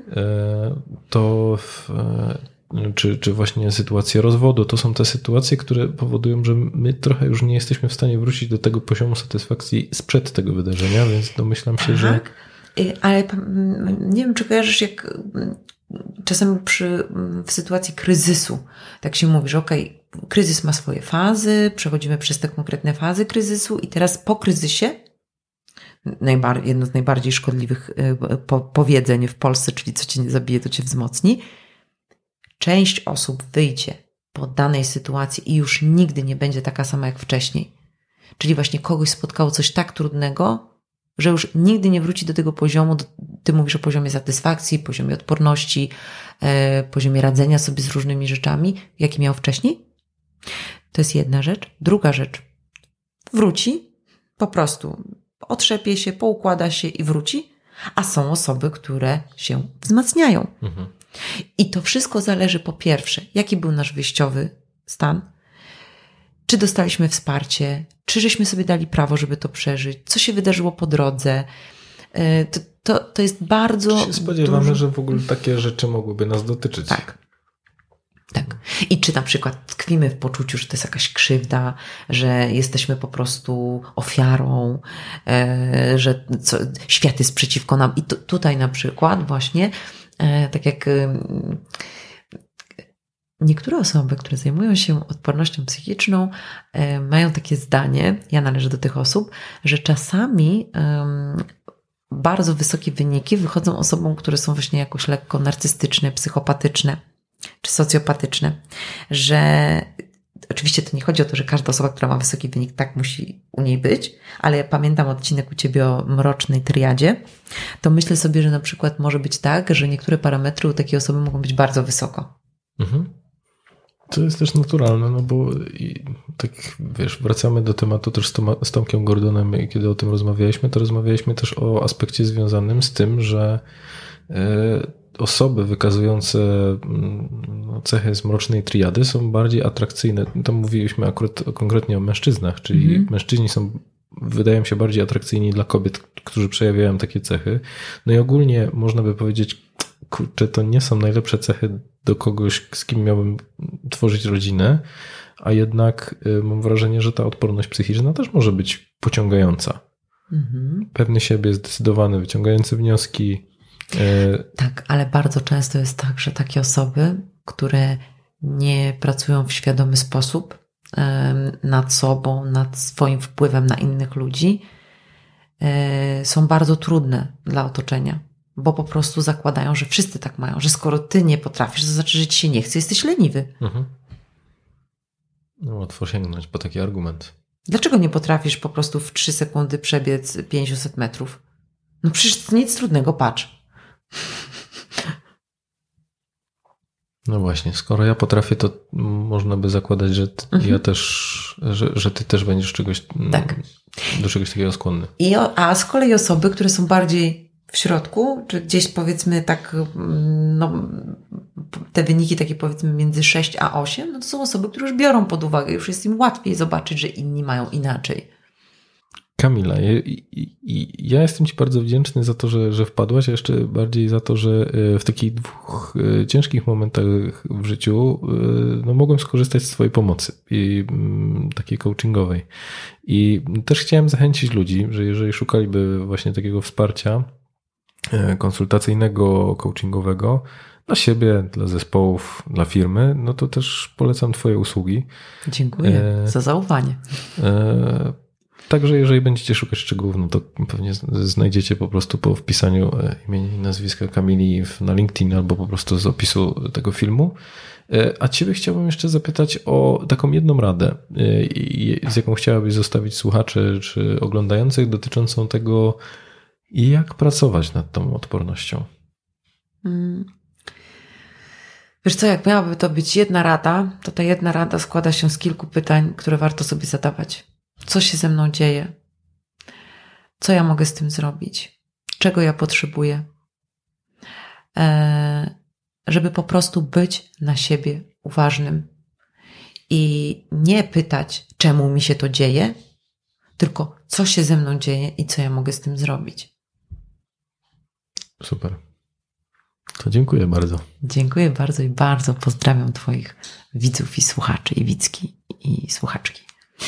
Dzięki. Do zobaczenia. Dzięki. Słuchasz podcastu charyzmatyczny. Zasubskrybuj, daj kciuk w górę lub skomentuj.